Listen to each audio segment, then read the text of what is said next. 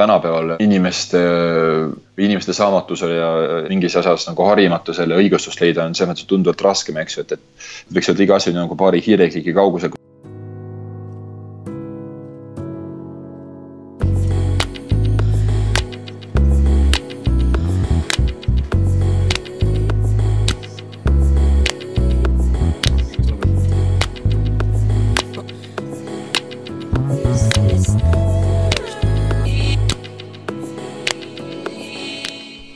Minu nimi on Rainer Sterfeld ja te kuulate viieteistkümnendat episoodi saatest Globaalsed eestlased, kus meie eesmärk on Eesti Vabariigi sajandaks aastapäevaks luua mälupilt silmapaistvatest Eesti inimestest üle maailma, üksteiselt õppida ning tuua end teineteisele lähemale. minu tänane külaline on moemaailma keskustes tegutsev Urmas Väljaots, kes töötas üle kümnendi Pariisis L'Oreali kontsernis Armani parfüümide turule toomisega ning kes praegu tegutseb Londonis äh, Burberry parfüümidivisioonis äh,. Urmas on parfümeeria maailmas vaieldamatult üks kõige kaugemale jõudnud eestlane, kellel on teras ilm ka kõige muu suhtes, mis meid ümbritseb, nii et ma ootan seda vestlust väga äh,. tere tulemast saatesse, Urmas tere, tere ka siitpoolt. miks ma ütlen tere tulemast, et kuna mina oleks hetkel viibin Londonis ja sina oled, oled teisel pool ookeani, siis et te, te, tere, tere tulemast siiapoole õhtusesse Londonisse, Brexiti-eelsesse Londonisse. Trump, Trumpi Ameerikast, eks ju, kus siis hetkel meie, meie siinne peaminister viibib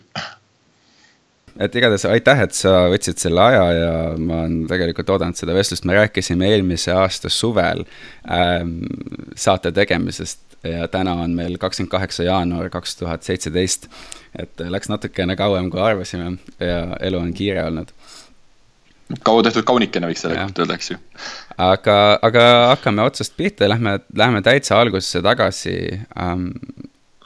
kuidas ja millal tekkis esimest korda huvi sul äh, moe vastu? eks seda kõige algust on alati, mitte ütleks nüüd alati, vähemasti minu puhul nagu raske mäletada, sest et noh, nii palju, kui ma mäletan lapsepõlvest, siis mingi selline läikiv ja kirev äh, on mind kuidagi alati köitnud, eks ju, ema, mu ema on kunstnik ja meil oli kodus päris palju kunstiraamatuid ja, ja see ise oli veel selline ju ikkagi nõukogude aeg aastast kaheksakümnendatel, kaheksakümnendatel aastatel, eks ju, ta oli, ja tal oli siis mingil hetkel sattunud äh, äh võimalus saada üks raamat, ma arvan, et talle Soome sõbrad kinkisid Luuvrist, äh, Luuvrist ühe raamatu, ehk siis see oli veel see aeg, kus ju ilusate värvipiltidega raamatuid eriti palju polnud, eks ju, et olid paar,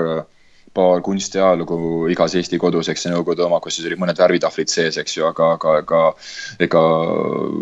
ütleme, ligipääs kunstile ja kogu siis sellele maailma, maailma muuseumide kogule, et mis tänapäeval tundub täiesti uskumatuna, eks ju, et lähed Google'isse või lööd Google või, või, või vaatad muuseumi kasvõi läbi Google'i, eks ju. et kõik on nagu käegakatsutav, et ei peagi kuskil kohal minema, aga tol ajal, et kui sa nägid mingeid selliseid värvilisi pilte kuskilt muuseumi kogudest, et see oli ikkagi äh, suhteliselt erakordne, eks ju, siis. ja eriti veel hea kvaliteediga, siis meil oli kogu, kodus selline raamat Luuvri, Luuvri kunstiteostest kas mingi paremik, ei tea, mille põhjal ma ei mäletagi, mille põhjal see äh, raamat oli kokku pandud, aga seal olid väga ilusad pildid, eks ikkagi Soome kvaliteet, Soomes trükitud. ja ma mäletan, ma vaatasin neid renessansi renessansi ajastu maale, värvitahvleid alati sellise tohutu huviga, et kus siis olid seal renessansi Itaalia või, või, või, või ka siis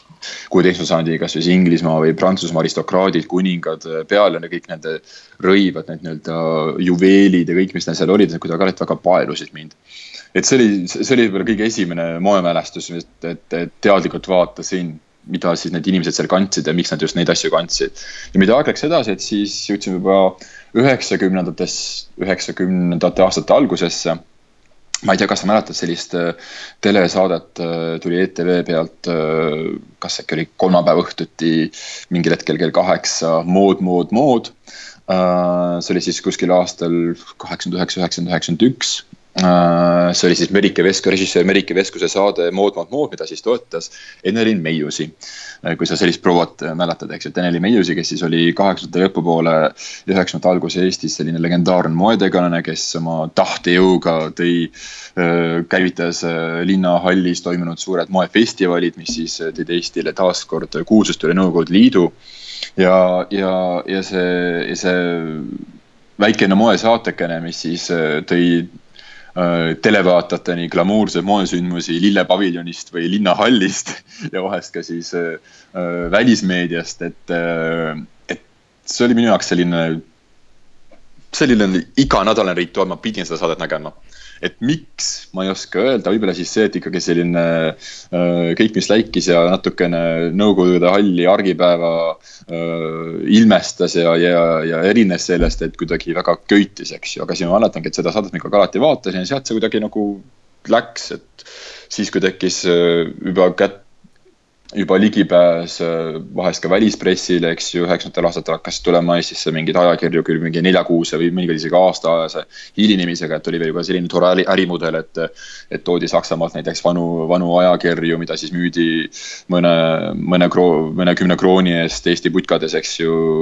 mis küll olid vanad, aga sellegipoolest läiked pildid ja meie jaoks ikkagi uus huvitav, et siis ikka neid sai aeg-ajalt ostetud, kui, kui vähegi võimalus oli ja, ja siis. ja siis üheksakümnendate aastate alguses oli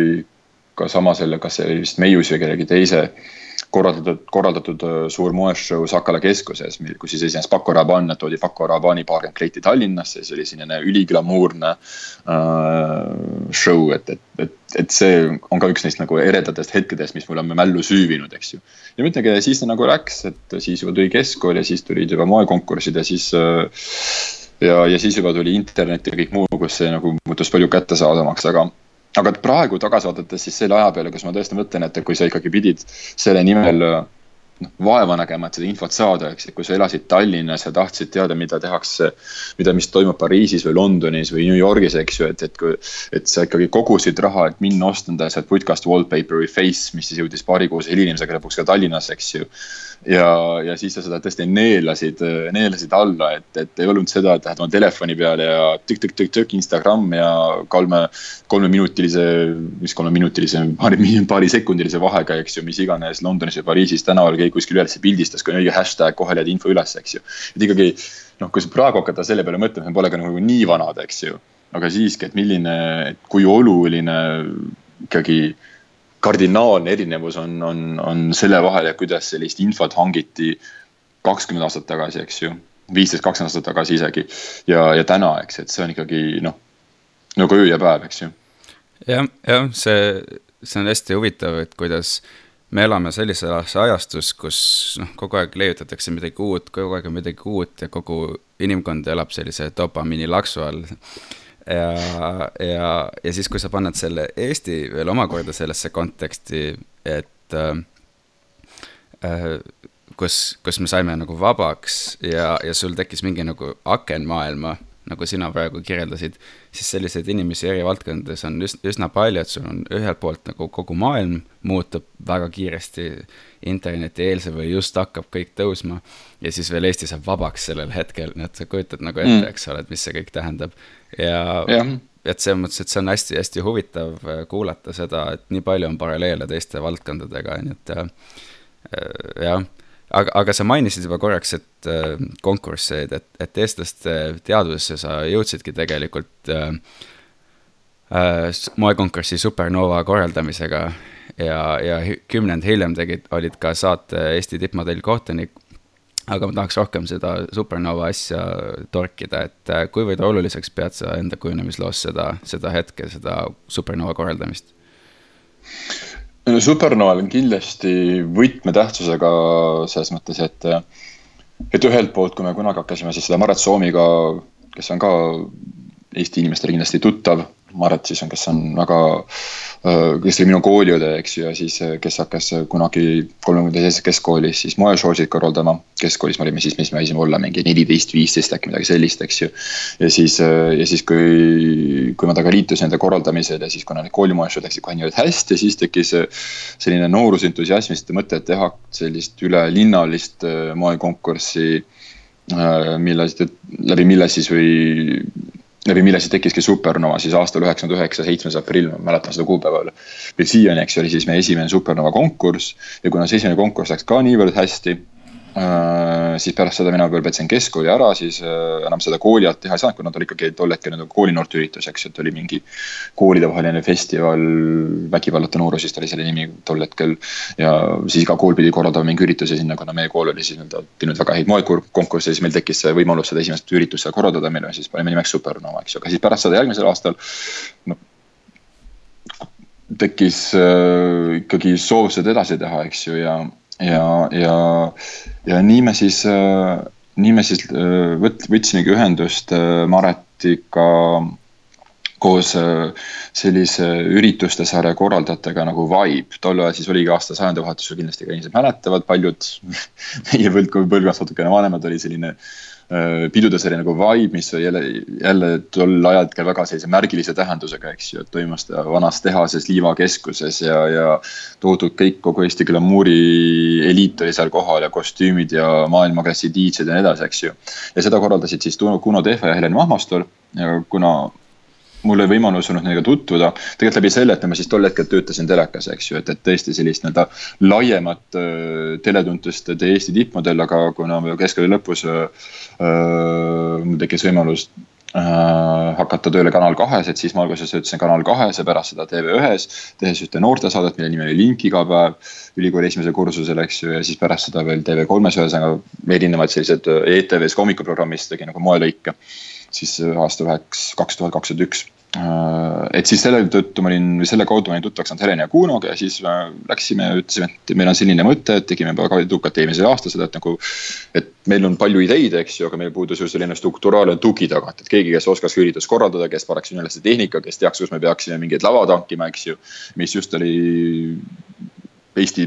kõige glamuursem ja kuumemal ürituste sarja korraldajatel olemas, eks. ja täiesti üllatuslikult äh, nad kahekesi olid nõus meie sellise kahe noore hulluga, kes siis olid nagu umbes nagu seitseteist ja kaheksateist, eks ju. koos sellist asja hakkama korraldama ja siis nagu ta oligi esimene supernova, nagu päris supernova, eks ju, siis oli aastal kaks tuhat ja siis aastal kaks tuhat üks siis tuli see nii-öelda nagu täiesti läbimurde supernova, et kus meil oli kohal Fashion TV ja. ja, ja ma ei mäleta, kas selle siis võitis, ma pean oma dokumendist järgi vaatama, kas see oli Aldo või oli see Tanel, kes jäi, see vist oli, ja see oli Tanel, Tanel Veener, kes võitis tol ajal siis selle esimese,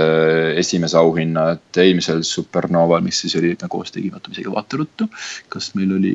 kes meil seal võitis, finalist oli um, ja esimese võitis meil Jaanus Orgussaar, et noh, tol hetkel see oligi Jaanus ja Tanel olid sellised Aldo, noh Eesti moemaailma noored äh, radikaalid, äh, äh, kes, kes tegid hulle kostüüme ja veel hullemaid moeshow sid, eks ju ja, ja muidugi ka tänu sellele, et, et nad sinna nii-öelda osalema meil tulid ja et meil oli äh, välismaine žürii, eks ju, väga head auhinnad ja väga hea korraldus, eks ju. et noh, ma ütlen, seal oli väga palju faktoreid koos, mis siis tegid,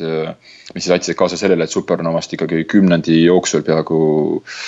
jah, kümne aasta jooksul ütleme Eesti, Eesti moe, moemaailma esi,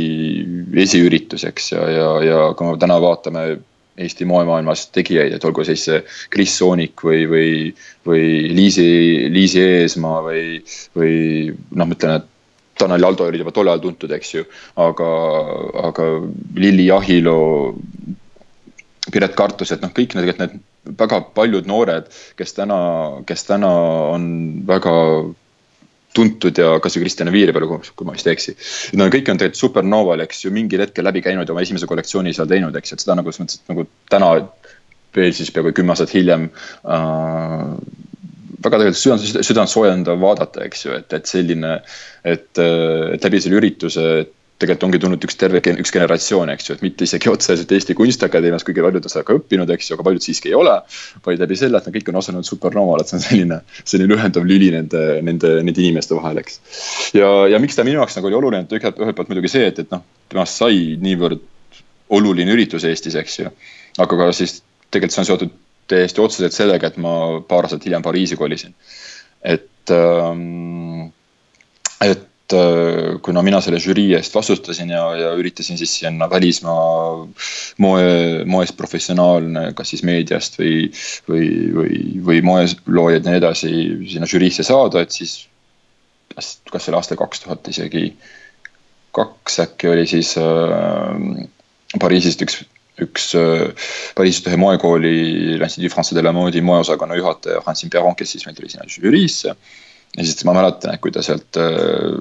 tollelt ürituselt ära läks väga entusiastlikult, siis ta Piret Kartus ütles, et sina pead minema välismaale kooli ja mille peale Piret läkski Belgiasse. ja ütles mulle, et sa pead tulema meile kooli Pariisi ja siis mille peale mina paar aastat, paar aastat hiljem läksingi Pariisi kooli et see oligi järgmine küsimus, mida ma tahtsingi küsida, et kuidas, kuidas juhtus see, et, et Supernovast jõudsid äh,, jõudsid Pariisi ja, ja, ja mis oli sinu selline sisemine dialoog, et äh, kuidas sa seda võib-olla enda jaoks nagu mõtestasid ja, ja, ja mis, mis olid peamised sellised hirmud, kui need üldse olid um...? no Eestis ma tegelikult samal ajal veel õppisin ise ju Tartu Ülikoolis, ehk siis ma ei õpetanud Tartu Ülikoolis siis ajakirjandusosakonna suhtekorralduse erialal ja, ja ka ülikooli viimasel aastal jah, läksin tööle äh, Baltikasse et äh, töötasin juba siis Baltikas seal turundusosakonnas ja samal ajal just oligi aasta kaks tuhat kaks ka, kui, kui tuli turule selline Eesti mõistes ka väga moodne, läänelik ja radikaalne moebränd nagu Monton, eks ju, mis siis noh, tänaseks on arenenud teises suunas, eks, aga. aga kaks tuhat kaks oli see selline esimest korda nagu tehti sellist nii-öelda välismaa, üritati teha sellist tõeliselt välismaa asja välismaa inimestega koos, eks ju. mis noh, ütlen, et tänapäeval tundub natuke sellise, võtavad natuke muigama võib-olla paljusid, paljusid inimesi, kes on juba elanud välismaal ja teinud töötanud muus kontekstis, aga tol ajal ikkagi oli see noh, mis oli tegelikult peaaegu viisteist aastat tagasi, mitte nii kaua, kauge aeg, eks ju, aga siiski see, et kui tehti mingit asja koos välismaalastega, oli selline vägagi väga erakordne. et, et olles lõpetanud kooli ja töötades Baltikas, siis ja samas organiseerides ka Supernovat ja tehes veel mingit miljonit asja Eestis, eks ju. Et ikkagi kripeldas hinges see, et, äh, et see kõik on väga tore, eks ju, aga kui sa tunned, et sa kogu aeg nagu leiutad jalgratast, samal ajal kui juba mujal on jalgratta asemel leiutatud isegi auto, eks ju. et, et noh, et et kas kõik, kes seda teed, siin auto leiutamisel peab läbi käima, kui saaks äkki minna otse autokooli, eks ju. et õppida sellega sõitma ja, ja, ja natukene, vaadata natuke kaugemale äh, äh, sellest oma, oma, oma kohalikust, äh, kohalikust maastikust, eks. et siis jah, siis nagu rohkem sees et me ikkagi peaks minema äkki veel, et veel on aega, et minna, minna kuskile edasi õppima, eks ju, ja siis, kui ma vaatasin neid programme äh, moe, moemanagement'i programme erinevates koolides, siis äh, olgu ta siis Pariisis või, või Milanos või, või Londonis, eks ju, New Yorgis natukene vähem, kuna ikkagi Ameerika tundus natuke liiga kauge, eks ju, ja liiga keeruline Euroopast tulles. Äh, ja noh, peale selle ikkagi Euroopas on meil väga, head koolid ju, eks ikkagi moekeskus, äh, moesüda, et siis. et see siis täiesti isegi objektiivselt, mitte ainult selle tõttu, et, et mulle Francine Pierron ütles, et, et sa pead meie kooli tulema, eks ju. Äh, vaid täiesti objektiivselt kooliprogramme vaadates jäigi see IFM-i programm mulle kätte kui kõige sellisem mõistlikum, eks ju, et, et eriti arvestades sinna kõrvale ka seda kohalikku konteksti, et mitte ainult seda, et mis on kool, eks ju, vaid ka see, et, et mis on siis see tööstus seal ümber, eks ju, et kui Inglismaal tegelikult ju moetööstus selline puudub, eks ju. et mis kõlab nagu väga huvitava väitena, eks, aga ma mõtlen nagu moetööstuse all seda, et, et, et on on suured brändid, suured firmad, eks ju, mitte ainult toredad noored tegijad, radikaalsed mõtted, eks ju, vaid just see, et kas on ka mingit tootmist ja kogu seda kogemust, siis noh, Inglismaal tegelikult tööstust kui sellist ei ole, eks, et on ongi ainult paar tõi- või üks, ütleme tõeliselt suur moebränd, mis on Burberry ja pärast seda siis on äh, sellised paar väiksemad, noh, Paul Smith või, või Marlborough või mõned, mõned veel, eks ju. ja siis väga palju selliseid noori tegijaid uh,. Itaalia selle vastu on jälle hästi, seal on küll väga suured moebrändid, eks ju, olgu siis Armani, Dolce Gabbana, Gucci ja nii edasi, nii edasi, eks ju, aga nad kõik on siiski, tollal veel olid äh, paljuski erakätlased, et sul on Prada eesotsas äh, Mucci ja, ja Bertelli kes siis põhimõtteliselt noh, keelab käsed poo peal laseb, eks ju, et see, kas see on asi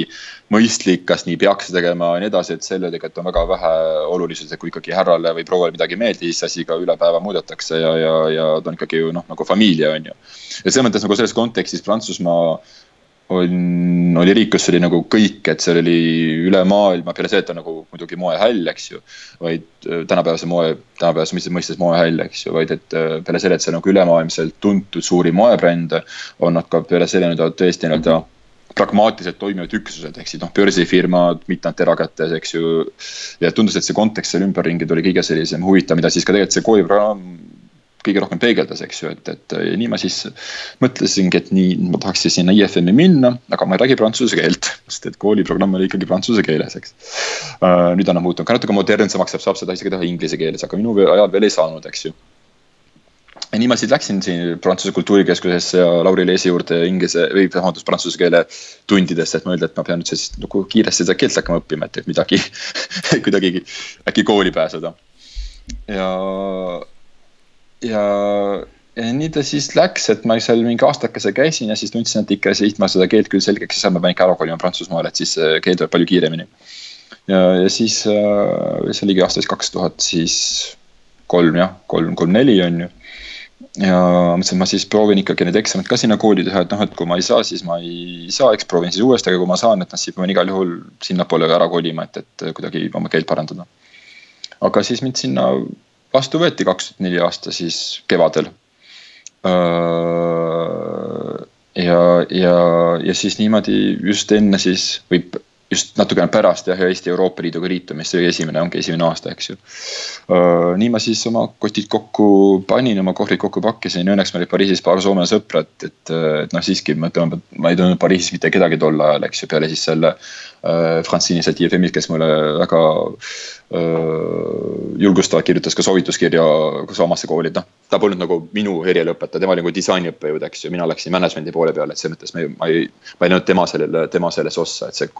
aga, aga, aga kindlasti see, et ta mulle selle soovituskirja kirjutas, kindlasti aitas kaasa, eks ju, aga noh, pärast siiski nähes, kuidas saadab kevadet, siis ma teadsin, et see polnud mitte ainukene põhjus, eks ju, kui ma oleksin selline Äh, eba, ebainspireeriv tegelane arvatavasti olnud nendele vastuvõtukomisjonile, aga siis mind sinna poleks ka võetud, eks ju. aga ma arvan, nagu palju faktoreid, et see, et sa tuled kuskilt uuest riigist, eks ju, Eesti, millest pole mitte keegi, keegi mitte midagi kuulnud seal, eks ju. et sa seal kursis mingi prantsuse keelt, millest mitte keegi mitte midagi aru ei saa, eks ju. jah, äh, sest et tõesti ma prantsuse keelt ei ole osanud tegelikult absoluutselt, eks, ja siis see, et sa oled mingi ikkagi poisterahvas välismaalt, et noh, see tegelikult kõik aitas kaasa, et ma arvan, et kui ma oleksin olnud selline prantsuse tüdruk, siis mind võib-olla poleks sinna kooli võetud, sest noh, selliseid sellise, sellise kvali-, taustaga inimesi on seal nii-öelda, sealt neljakümnest kolmkümmend, kolmkümmend, eks ju. aga siis, et oleks nagu asi natuke ikkagi mitmekesisem, siis nagu põhimõtteliselt nagu tol hetkel ka iga välismaa noormees, kes enam-vähem teadis midagi, mingi mõte tal peas oli, mida ta oma selle haridusega edasi tahaks teha. sealt ikkagi nende vastuvõtmise vaadati nagu tunduvalt nagu lahkema pilguga. sa. ja jah, ja ütleme, nii ma siis, nii ma siis läksingi sinna, kolisin ära Prantsusmaale, aga ongi, et selle vastuvõtmise protsessi nagu tulemus oli see, et, et, et mulle küll öeldi, et, et me võtame sind vastu. aga kuna su prantsuse keel on ikkagi selline alla iga, igasugust arvestust, et siis me soovitaksime sul järele mõelda ja tulla siia aastaga hiljem, et, et sa aasta aega saaksid oma keelt parandada, sest muidu siis nagu, muidu sa lihtsalt äh, äh, noh, jääd maha, eks ju, et, et see on ikkagi väga intensiivne ja, ja, ja võib-olla sa ei suuda nagu ree peal olla, et, et sul endal oleks parem, kui sa aasta, aasta hiljem alustaksid, võtame sind vastu, aga, aga, aga parenda oma keelt. ja mulle see täiesti sobis, et ma isegi olin selle peale mõelnud, et, et ma, mu keel on ikkagi, oli niivõrd noh, primitiivne, eks ju, lihtsakoeline, et, et, et kõrgharidust, noh magistrikraadi sellega ei, päris ei oma, omasta, aga. ma ise tahtsin enne öelda, et õnneks mul olid jah Pariisis ka need Soome sõbrad, eks ju. et, et kes mind julgustasid, et muidugi tule, muidugi tule, et, et sa saad meie juures alguses olla ja küll me sind aitame, et kui sa korteri leiad, et kui mul. võib-olla ka poleks nagu Teemut ja Antit tol hetkel Pariisis olnud nagu julgustamas, eks ju, siis ma juba nii võib-olla pea vees oleks ikka natuke võib-olla kartnud ette hüpata, et, et noh, kuidas sa lähed, eriti tol hetkel, eks ju, Tallinnast Pariisi, mis tundus ikkagi teisel pool Euroopat, eks teises täiesti keelte, keelekeskkonnas, kultuuriruumis ja, ja, ja ilma keelt oskamata ja omades nagu taskus ainult nagu kahte tuhandet eurot, mida isa sulle lahkelt andis, eks ju et, et, äh, et jah, tänapäeval nagu võtaks selle, selle, selle üle mitu korda, aga noh, see on, see ongi vist see nooruse uljus ja see äh, eelis, nooruse uljus eelis, et selliseid asju võtad ette, õnneks võtad ette, et, et. sa mainisid ühte hästi huvitavat asja, et et, et sa läksid sinna moekooli management'i poole peale. ja, ja ma arvan, et sellest kor korraks sellel peatudes, et, et kui tavaliselt inimesed mõtlevad, et ma käisin, lõpetasin moekoolis, nad mõtlevad midagi muud. et, et võib-olla ja see, see, mida sa rääkisid Prantsusmaa või peamiselt Pariisi kohta, et see on moehäll ja seal oli ka moetööstus, mis tähendab, et ta sisaldab endas kogu seda ökosüsteemi alates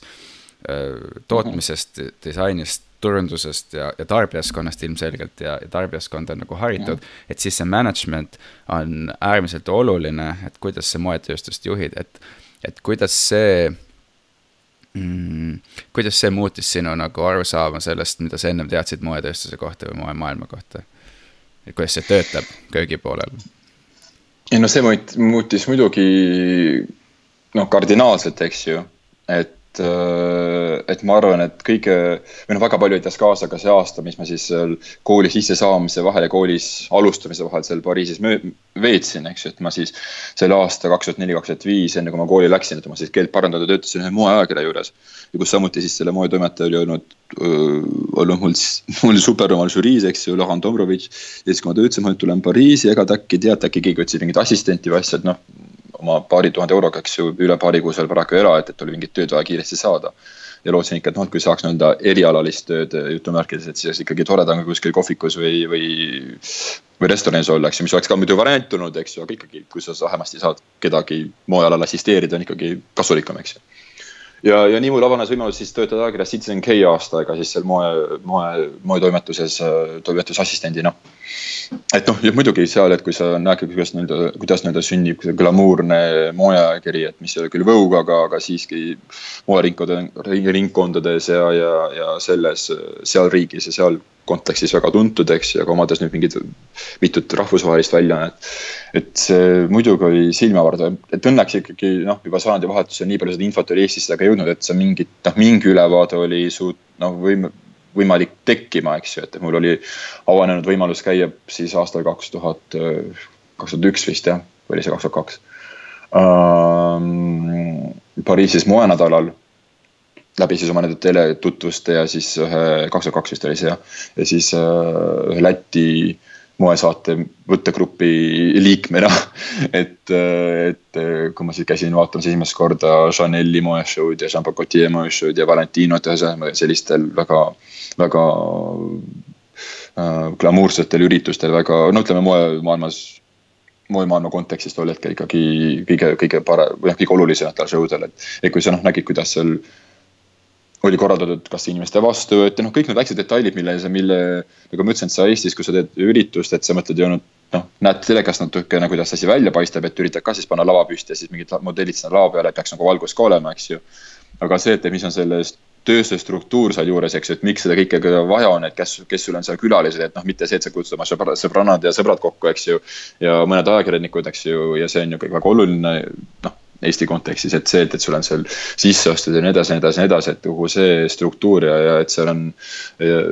kogu see korraldus on hoopis noh, ikkagi muidugi teises astmes oli, eks ju. et aga see oli ikkagi väga silmavardav selline esi-, noh esmakordne visiit sellisesse keskkonda, et sa näed, kuidas see reaalselt sul ümberringi toimib, eks ju, et. et, et ja lugeda siis natukene mingit moe, moemeediat juurde, et, et see, see oli tohutult oluline, aga siis lõpuks, kui ma siis sinna ka kooli jõudsin, eks ju, kui mul kui seal olid meil äh, lektoriteks äh, noh, muidugi siis püsiõppejõud, aga siis sellised, ma kujutan ette, et, et ka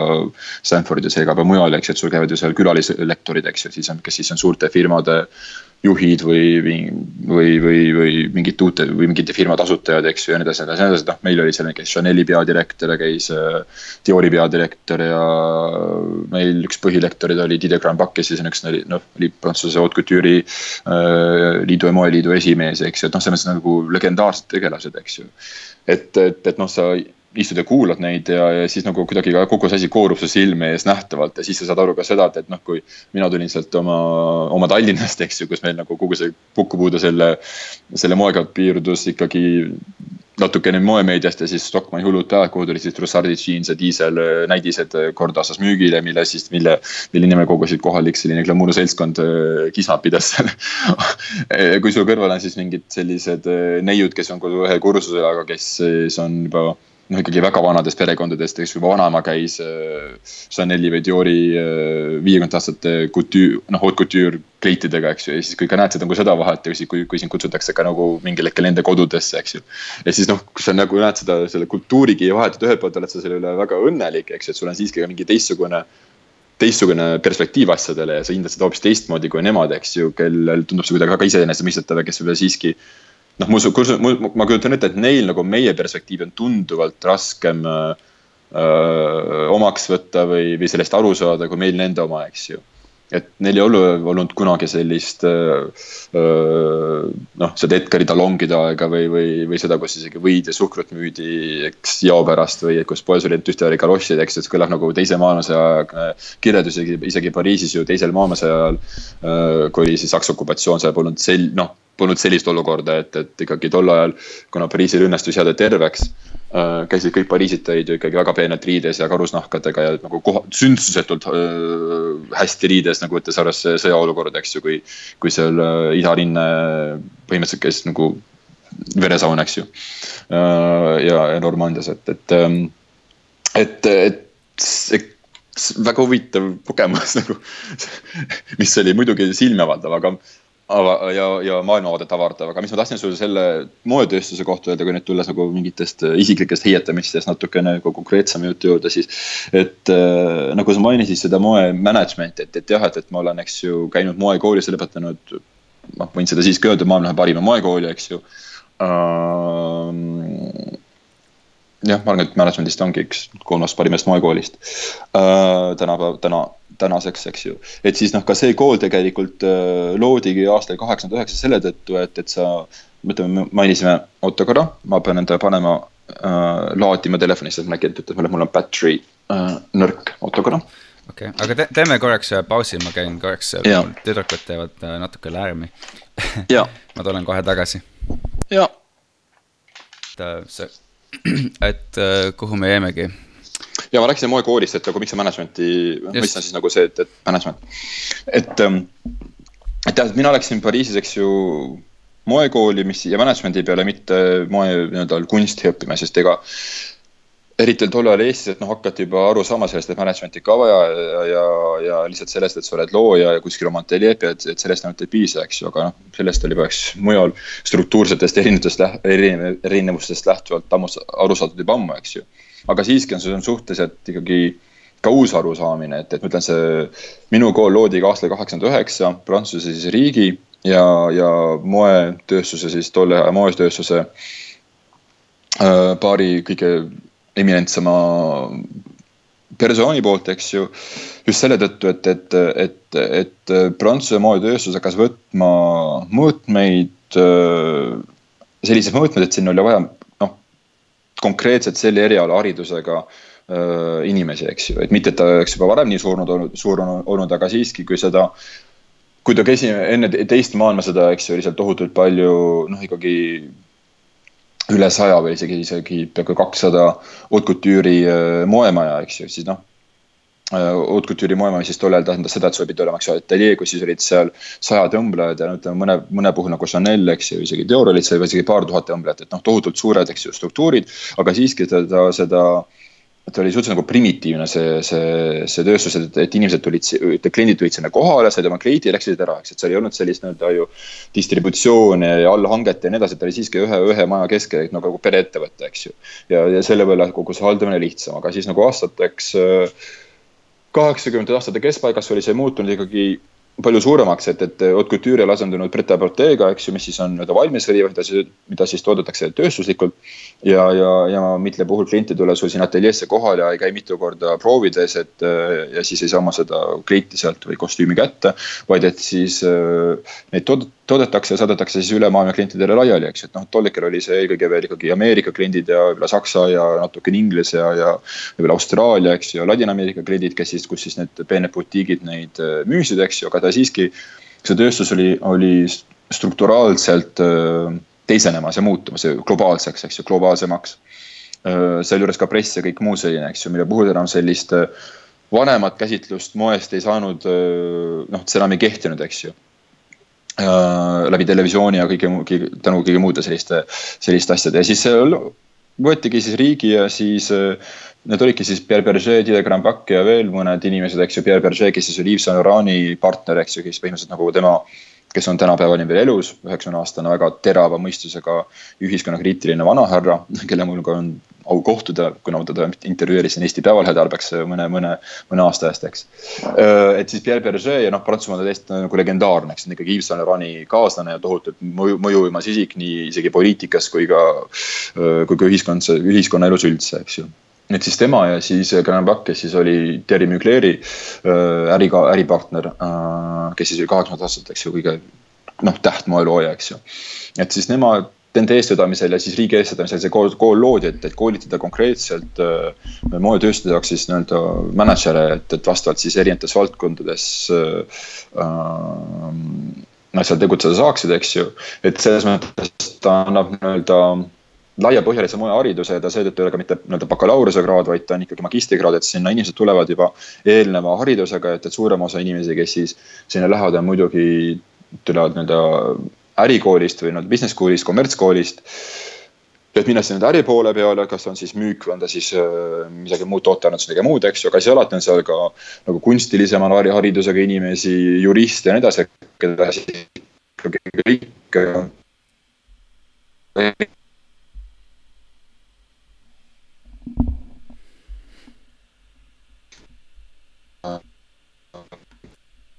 aga kui sa oled moevaldkonna juristid, siis sa pead ikkagi ka tundma natukene seda äri, moeäri poolt ja kuidas, noh, mis on siis nagu selle, selle, selle valdkonna spetsiifilised erinevused võrreldes muuga, eks, et seda saad oma,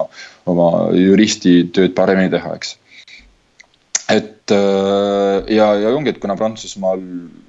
oli see välja kujunenud ja, ja, ja, ja äh, ja noh, on naturaalselt, orgaaniliselt, eks ju, tekkinud, et see polnud see, et, et ta äkitselt tekitati sinna või tekkis mingite äh, Äh, suurte ühiskondlike muutuste tõttu, vaid see oli selline protsess, eks ju, et see oligi, et kui tekkis vajadus, siis tekkis uus kiht, tekkis uus kiht, tekkis uus kiht. ja, ja siis noh, tol hetkel see oli see, et kui pidi hakatama, pidi hakkama koolitatama siis äh, professionaalseid äh, managere, eks. ja siis pärast viisteist aastat hiljem peaaegu või natuke vähem, ei, jah, kümme, kümme, üksteist aastat hiljem, siis tuli sinna sellele manager'ide kursusele lisaks siis disainerite kursus, eks ju ja tegelikult noh, sama, sama, sama, sama, sama selle sama mõttega, et, et kuna tol hetkel olid aksessuaarid ja kõik muud selline, noh nagu disainer polnud enam, polnud enam see, eks ju, kes tegi ilusaid kleite, kuidas talle vastavalt meeldis, et disainer siiski vastas turu, turu nõudlusele ja äri, ärisoovidele, eks ju, et, et, et ta pidi ka omandama natuke teistsuguseid oskusi nagu kollektsiooni koostamise pea, puhul ja nii edasi, eks ju, mida siis pidi natuke teistmoodi õpetama, kui lihtsalt seda, et, et kuidas teha ilusat kleiti. nüüd, kui me hüppame sellest äh, management'i õppest äh, nüüd L'Oreali, kus sa veetsid vist üksteist aastat. et kui ma L'Orealis veetsin kuus aastat. kuus aastat, vabandust, okei okay,, Pariisis olid üksteist aastat, ma ajasin oma faktid segamini. et, äh, et kuidas, kuidas sa jõudsid L'Oreali ja, ja kas moekoolis selle management'i õppe juures juurde kuulus ka mingi parfümeeria alane selline äh, ütleme ülevaade või, või õpingud? ja just, et nagu ma ütlesin, eks, et see kooli mõte oli anda siis võimalikult laiapõhjaline haridustutvustus kogu sellest äh, moevaldkonnast, eks ju. ja siis selle hulgas ka äh, nii-öelda moeäri erinevatest nišidest, eks ju, olgu siis need siis juveelid või kingad, kotid ja muidugi ka parfüümid, kuna kuigi ütleme äh, tööstuse seisukohalt äh, võttes on parfüümi, parfümeeriatööstus noh, totaalselt erinev moetööstusest, eks ju. aga samas äh, imagoloogilisest või ütleme, kliendi vaatenurgast on suurem osa parfüüme, mida ostetakse moe, moedisainerite nime kandvad parfüümid, eks ju. et ta nagu on siiski struktuurselt täiesti väga oluline osa, osa moe, moeärist. ja, ja tuluallikas äh, moeloojatele ja moe siis nagu brändi, moemajadele, brändidele, eks ju et, et neil oli siis ka jah, see ülevaatekursus äh, äh, parfümeeriast ja kosmeetikast äh,. mis siis oli lähedalt seotud L'Orealiga, kuna L'Oreal on üks nagu kooli sponsoreid, kuna L'Oreal siis on maailma suurim kosmeetikafirma siis, äh, mida võib-olla siiski siiani mind veel üllatab, see, et paljud inimesed ei tea, eks. et, et ei ole ainult äh, tegu uh, uh, because you worth it uh, huulepulkade ja, ja, ja kreemide ja, ja, või siis šampoonidega, eks ju, vaid et ta koosneb mitmest erinevast divisjonist ja sealhulgas ka luksustoodete, luksustoodete divisjonist, kus siis on kus siis, kus siis on L'Orealil kas siis päris omanduses või siis tegutsetakse, tegutsetakse litsentsi alusel. paljude disainerite parfüümide ja kosmeetika, kosmeetika siis toot-, toodete valmistamise ja turundamise ja turustamisega, eks ju. ja sealhulgas siis äh, Armani, Ralph Lauren äh,, Victor Rolf äh,, noh, Demargela, Yves Saint Laurent, Bioterm, Lancome ja nii edasi, nii edasi, nii edasi, et need on seal nagu tohutul hulgal tänapäevaseks juba kokku, kokku tulnud. ja, ja muidugi kuna on tegu disainerbrändidega, eks ju, näiteks siis Armani kelle puhul on siis nagu George Armani isik on ülitähtis, kuna tema on kogu siis selle brändi nägu ja, ja sisu, eks ju. Äh, tema üks maailma edukamaid moeloojaid on siis oma, andis oma selle litsentsi mingil hetkel L'Orealile. ja L'Oreal siis pidi neid äh, parfüüme talle sinna tegema, eks ju. ja, ja sealt võimalikult, võimalikult hästi, et võimalikult palju raha selle eest saada äh,. aga kuna tegu pole sealt nii-öelda samasuguse äriga nagu kreemiäri, eks ju, siis muidugi nad tahtsid sinna äh, nende brändide peale saadagi inimesi, kes nagu teaksid moest natukene rohkem ja kes äh, kuidagi hind-, hingaksid sedamoodi äh, rohkem kui ainult siis nii-öelda kreemi või šampooni tegemist, eks ju, et see on ikkagi suhteliselt erinev. ja siis neil ikkagi jah, neil see, see, see oli nii-öelda värbamispoliitika osa, et siis ikka saada sinna moeharidusega inimesi või siis nende, äh, nende ähm,, nende brändide peale, et ja nii tekkis see täiesti ootamatult ja planeerimatult selline väikene kõrvale kõrvale, põige kõrvale Kalle äh, kosmeetika poole peal, et mõeldes ise, et ma nüüd lähen kuskile maamajja tööle. toodete peale tuli pakkumine L'Orealilt, et tule hoopiski meile praktikale ja kuna L'Oreali praktika maksis tunduvalt paremini kui moemaailma praktika, eks ju, sest et moemaailm on peale selle, et ta on glamuurne, ta tuntud ka selle poolest, et ta on tegu põhiliselt nagu tasuta tööga, eks vähemasti esimestel aastatel, et kõik need praktikad on väga halvasti makstud ja. ja, ja, ja kui sul ei ole sellist korralikku äh, vanematepoolset või perekonnapoolset toetust taga, et siis on seda alguses suhteliselt raske teha, et nagu priviligeeritud inimeste mängumaa. ja, ja kuna kuna nende äh, praktikandi palk oli tunduvalt jah, parem kui moes ja, ja kuna tundus ka huvitav, selles mõttes, et kui sa oled praktikandiks, siis sa ikkagi tegeled ju väga palju, paljusid, paljude lihtsamate asjadega, olles siis, kui Eestis Baltikas töötanud, teinud nagu moekonkursse ja nii edasi, et siis noh, ma ei olnud päris nii-öelda nullist alustav, koolist välja tulev nooruk, vaid, vaid ikkagi natukese väikse kogemusega, töökogemusega juba. ja vahest mulle tundus, et nagu L'Orealis see, et, et kui ma isegi pean mingi kõige lihtsamaid asju tegema, et siis on ikkagi täiesti, täiesti uus valdkond ja sektor et noh, et, et miks mitte proovida ja nii see siis läks, et täiesti iseendale ootamatu, planeerimatult. teadvustamata seda, et, et tegu on maailma ühe suurima firmaga ja suurima kosmeetikafirmaga tegelikult, eks ju. nii ma sinna siis läksin ja siis sellest ku, kuuest kuust sai kuus aastat. ja siis ma tegingi seal alguses Biotermi ja pärast Armani ja pärast siis lõpetasin Victoria Rolfi peal tootearenduses, jah. aga, aga räägimegi sellest tootearendusest, milline Äh,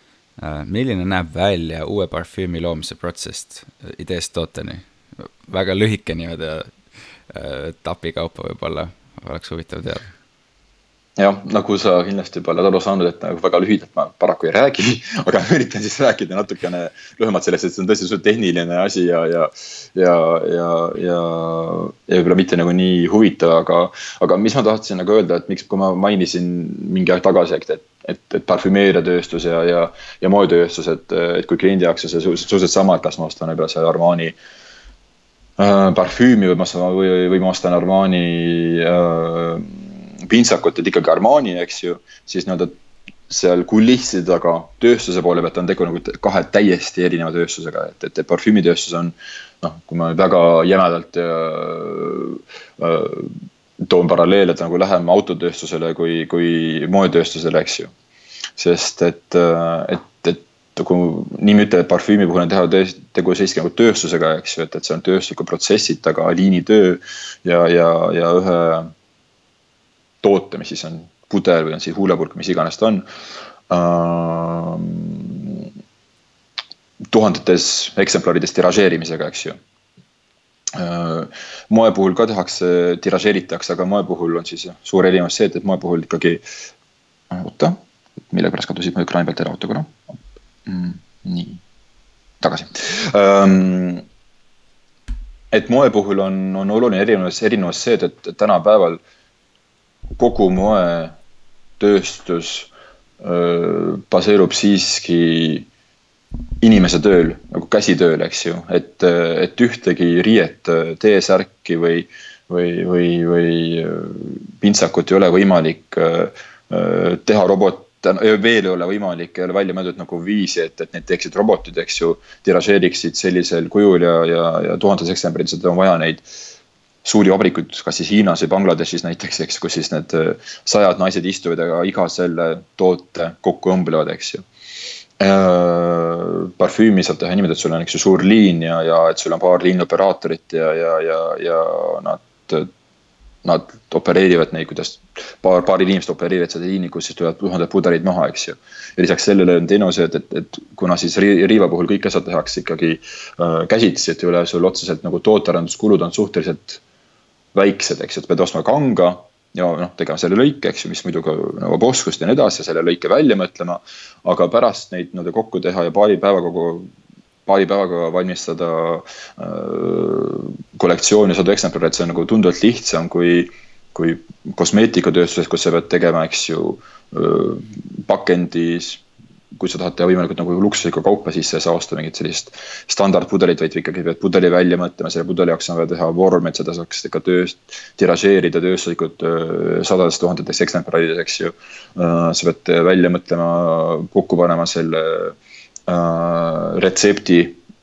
keemilise retsepti, eks ju, tegema teste, et ta vastaks normidele, et, et seal poleks sees mingeid allergiat tekitavaid asju, tekiks mingeid reaktsioone. Äh, tegema neid teste, mis võivad kesta mitu kuud, eks ju, et see protsess on tunduvalt, tunduvalt pikem ja tunduvalt ressursirohkem, eks ju. kuni siis nagu selleni, et, et, et, et, et kui disainerkaupa müüakse, noh, loed tänapäeval, et varem see päris nii polnud, aga eriti nagu tänapäeval, et on ikkagi äh, kallimad, kallimad brändid, et on valitud, valitud äh, äh, poodides, valitud kohtades, äh, valitud ja see on ikkagi väiksemal hulgal inimestele kättesaadav kui parfüüm, noh. kas sul on, eks ju, tuhande eurone käekott või viiekümne eurone parfüüm, eks, et see on nagu tarbijate hulk, kes endale seda lubada saavad, on täiesti noh, kategooriliselt, eks ju, erinevad. ja seetõttu on ka erinevad turundusmeetmed ja, ja meetodid, eks ju, et kuidas sa turundad mingeid moebrände või kuidas sa turundad siis äh, toodet, parfüümi ja, ja, ja sellest tulenevalt ongi see, et sa selle moekollektsiooni võid noh, äärmisel juhul paari nädalaga kokku klopsida. kui sa oled selline äh, väga organiseerimatu ja väikese struktuuriga disainer, eks ju, et sa mõtled, võtad oma kõmbled kokku ja teed, tuli mõte ja, ja muudad kõik kasvõi eelmisel, eelmisel, eelneval õhtul ära, enne kui sa oled tootmises ja näitamisel inimestele, aga parfüümi puhul nii seda teha, teha ei saa, eks, et sa äh, pead alguses looma selle lõhna, looma selle pakendi ja see protsess võib, võtab aega vähemalt poolteist aastat, eks ju, mitte paar päeva või paar nädalat, eks mm. -hmm et see on nagu selline väga oluline vahe, et, et, et, et kui see investeering, mis sa teed, äh, pooleteise aasta jooksul ikkagi toodet arendada teistsuguse ressursiga kui see, kui sa seda teed äh, kiiremini, eks ju, ja, ja, ja, ja, ja ja see aeg on palju teistsugusem, et kui sa seda poolteist aastat, poolteist aastat arendad, et selle turule tood, siis ta peab ka natukene kauem kestma, mitte ainult paar kuud. Äh, et ta siis ennast nii-öelda tasa teeniks, eks ju, ja tulu tooks omanikule. et see on nagu kõige jah, sellisem äh, loomise protsess, et sa võtab päris pikalt aega ja muidugi hakkad, alustad sa seda sellest, et sa äh, olenevalt sellest, et kas sul on tegu sellise väga suuremale tarbijagrupile suunatud parfüümiga, mille puhul on muidugi turu-uuringud väikselt vaikselt nii-öelda ja kellele ta läheb nii-öelda kogu see tavaline toote, no see protsess, eks ju, kes on su klient ja nii edasi, nii edasi, eks ju, milline see on äh, turumaastik äh,. või siis, kui sa oled väga sellise niši, nišibränd, siis sind see eriti võib-olla ei huvita, sa tead, su klient on eksklusiivne ja sa tead, mis sulle meeldib ja sa tead, et nagu moelooja puhul, eks ju, et, et sa, et sul on mingi selline oma perspektiiv asjadest äh, ja, ja, ja sa pead vähem meeldima nii-öelda massidele, eks ju ja algabki asi sellest, kumb sa siis oled, kuidas sa teed selle briifi, siis sinna tuleb parfümöör või siis nina, eks ju, parfüümilooja teeb lõhna, kes on siis oma professionaal. disainerid loovad pudeli, pakendi, pärast läheb siis see tööstusesse, äh, tööst-, tööstuslikku tootearendusse, et siis sellest esimesest prototüübist luua äh, tiražeeritav mudel ja tööstuslikult toodetav mudel, eks ju, sama, samas paralleelselt käib see testimine, et laboratooriumis igas, igasugustele testidele vastu peaks, eks ju, et kas siis on päikse käes või kuumas või külmas ja nii edasi, nii edasi, nii edasi, eks ju. Et mingid koostisosad omavahel ei reageeriks veidralt ja, ja nii edasi. kuni siis lõpuks selleni, et, et kui siis tuleb see turule toomise hetk, et mingi hetk äh, filmitakse üles see kampaania ja nii edasi nii edasi nii edasi, eks ju müüakse klientidele see maha ja, ja siis ta jõuabki sinna, mingi hetk on sul kuskil internetis või ajakirjas reklaam üleval. poes on äh, tüdruk äh, uue pudeliga, kes siis palub, palub, kas ta võib seda sulle pihustada peale ja lei-, et sa tutvuksid uue parfüümiga ja siis, ja siis ongi ostmine. et see erinevalt äh, rõiva, rõivaste tootmisest või rõivaste kogu sellest nii-öelda, nii-öelda päris moetööstusest, siis nagu sa ise ütlesid, et see on erinev asi erinevalt rõivaste tootmisest või tootearendusest ähm, on kaks huvitavat aspekti, et äh, parfüümide toote eluiga on, on võrdlemisi pikk võrreldes mõne, mõne rõivaesemega, eks ole, noh, kui me mingisugused klassikalised esemed välja, välja arvame mm. -hmm. Um, ja, ja teine aspekt tootearenduse puhul ja ma räägin sellest seetõttu, et ma olen tootearendusega tegelenud kogu oma elu, et mind huvitab see osa ja ma üritan võimalikult lühidalt seda osa teha, et inimestel igav ei oleks, aga et, et ühelt poolt on see eluiga pikk ja ta ilmselgelt on seotud nagu mingis mõttes selle moebrändiga ja selle identiteediga ja teiselt poolt erinevalt äh, rõivastest, kus, kus on nagu geograafia ja konkreetse linnakultuur ja nii edasi võib mõjutada seda loomingut, siis, siis parfüümid parfüüme sa võid äh, müüa üle terve maailma ja neid brände tuntakse. et sul on pikk eluiga ja sa võid müüa seda ükskõik kus üle maailma ja, ja see teeb sellise tootearenduse ja parfüümide kujundamise hoopis teistsuguseks, et, et kas parfüümide kujundamisel vaadatakse rohkem pigem inimtüüpe silmas pidades või, või kuidas jõu-, ja siis sul on see konkurents, et sul on nagu see lett või, või pood, mis on täis konkurente et, et kuidas, et kuidas see nagu ähm,, kuidas see käib, ütleme siis nii äh.? no tegelikult äh, parfüüme sa üle maailma päris nii-öelda müüa mida iganes ei saa, eks ju okay., et, et, et äh,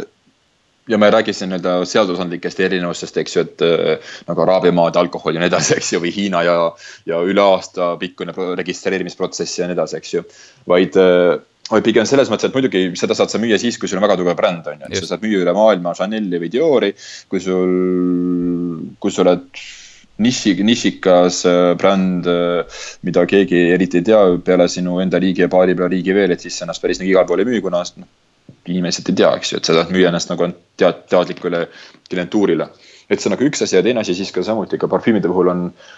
on väga olulised kultuurilised erinevused, eks ju, et, mida kuskil tarbitakse, et kui sa oled Araabia maadesse, siis see, mida nemad endale seal peale lasevad, ei ole absoluutselt äh, sama, sama asi, mida lastakse endale pea USA-s või Itaalias ja Prantsusmaal pole seesama, mida lastakse endale pea Inglismaal, eks ju. et, äh, et muidugi need sellised kõige suuremad ülemaailmsed brändid, eks ju. Armani, Chanel'id, Saint Laurent'id ja Lancome'id, need müüvad ennast igal pool ja vastavalt siis äh, sellele ka tehakse ka toote portfooliot, et oleks seal nii äh, tummisemat ja uudi või, või äh, amber lõhnalist äh, versiooni Lähis-Ida klientuurile kui ka sellist äh, fresh ja, ja, ja kurgilist äh, vett Ameerika klientuurile, eks ju. Ja mingit sellist roosas, roosamat ja, ja lillelisemat, lihtsamat asja Vene klientuurile, on ju. et, et seal on ikkagi ka vahed inimeste maitsel ja tarbimisel ja et, et mis meeldib ja mis ei meeldi. et, et, et muidugi iga asi võib-olla see natuke võib-olla lihtsam müüa, aga tänapäeval on see,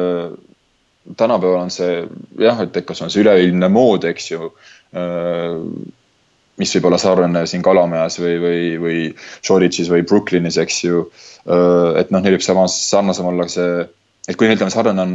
on, on riidemaitse, siis tegelikult see lõhnamaitse on isegi erinev kui see riidemaitse, eks ju. et ähm,. et ühesõnaga. Jah, kultuurilised, kultuurilised erinevused on päris olulised, eks ju. nii et see kasutaja profileerimine või tarbija profileerimine, et siiski on nagu ühelt poolt sul on tugev bränd, et sul on võimalik mingit globaalset brändi luua ja me jõuame kohe sinna Armani juurde ja teiselt poolt ikkagi geograafia määrab äh, üsna palju seda äh, kultuuri või seda maitset. Ähm. no see on nagu köök ju, eks ju, et sa lähed ära, lähed India restorani, on sul ühed maitsed ja, ja lähed sa Rootsi restorani, on seal teised maitsed, eks ju. et, äh, et, et selles mõttes on see jah erinev, erinevas, erinevates erinevates kultuurides, eks ju, ja samuti ka lõhnad, et, et, et ühel pool on see lihtsam ja natuke diskreetsem, teisel pool on see sellisem vürtsikam ja, ja, ja ma arvan, et see köök jah, päris hästi nagu illustreerib seda, mida siis ka erinevates riikides endale peale meeldib rohkem inimestele lasta mm. -hmm. ja kui me nüüd tuleme tagasi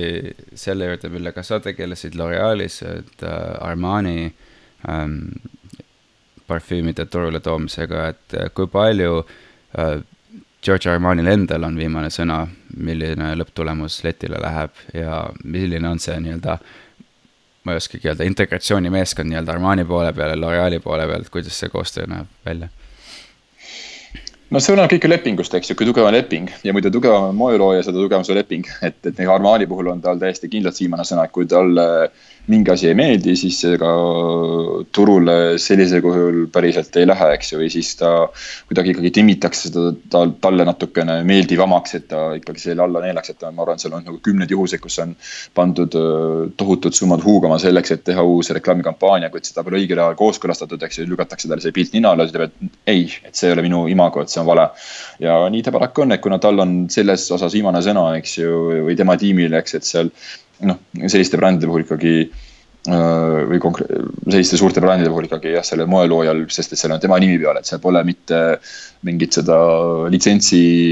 litsentsi omaja, omaja nime peal, vaid seal on tema, tema enda isiklik nimi, mis on tal passis, eks ju, Giorgio Armani. ja kui talle see ei meeldi, siis sellisena seda ka sinna turule ei lähe, eks ju, on ta siis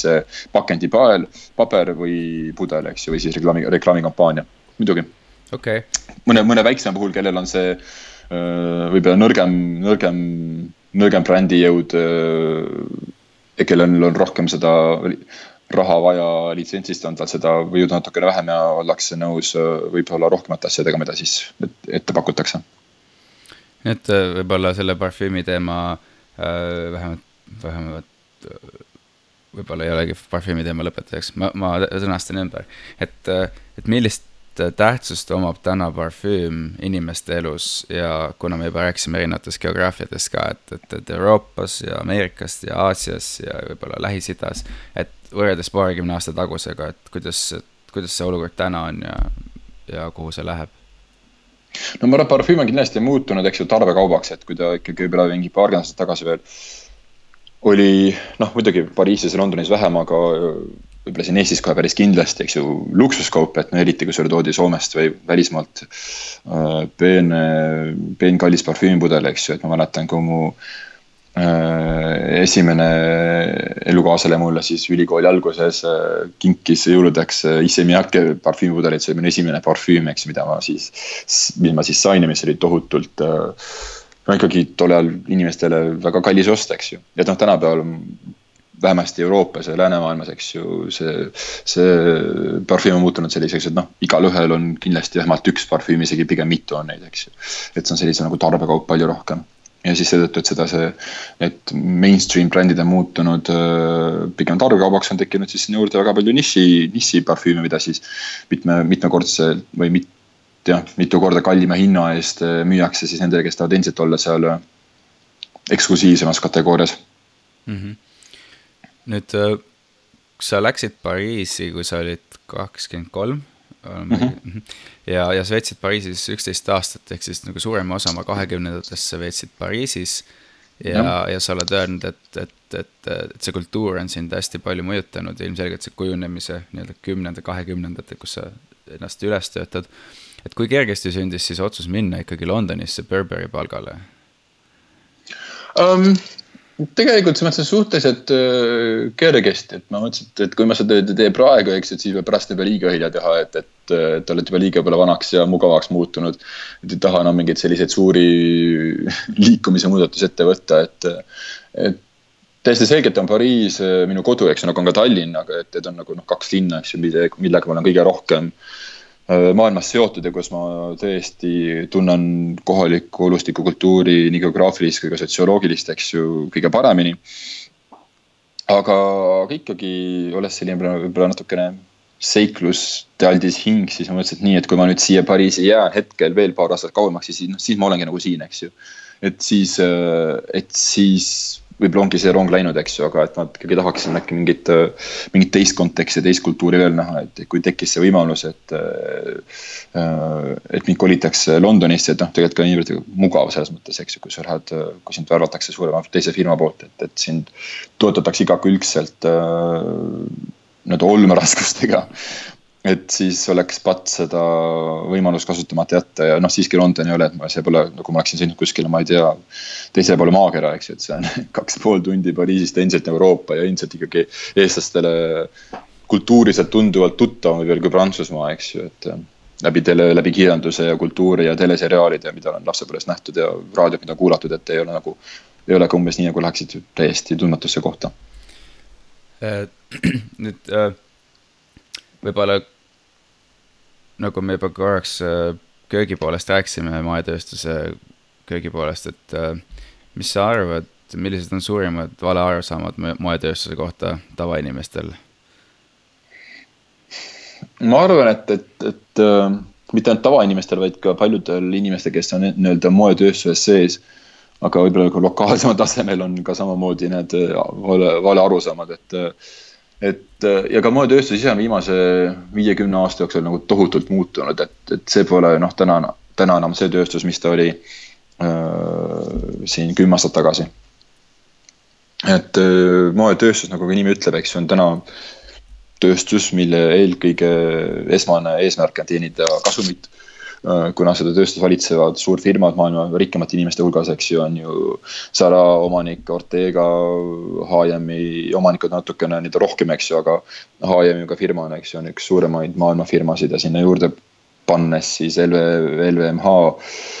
LVMH grupi, mis siis on suurim luksuskontsern ja Kering seal kõrval, eks ju, ja neid on seal veel paar tükki, et nad on kõik noh, maailma suurimate firmade hulgas, eks.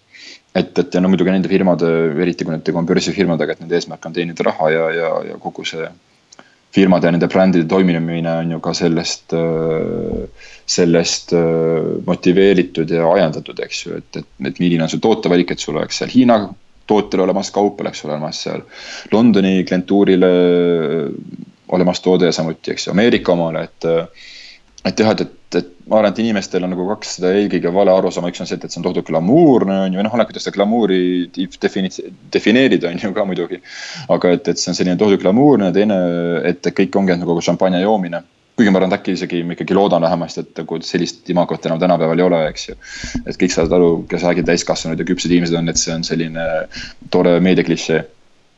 mille najal on hea, liuglaste, mille najal on hea teha selliseid naljakaid teleseriaale. Äh, ja teine, ma arvan, tohutu eksiarvamus on see, et, et kui ikkagi on mingi brändi nimi kauba peal, et siis on tegu hea asjaga. et, et ei ole tegu hea asjaga selles mõttes, et ta garanteeriks sulle, et, et,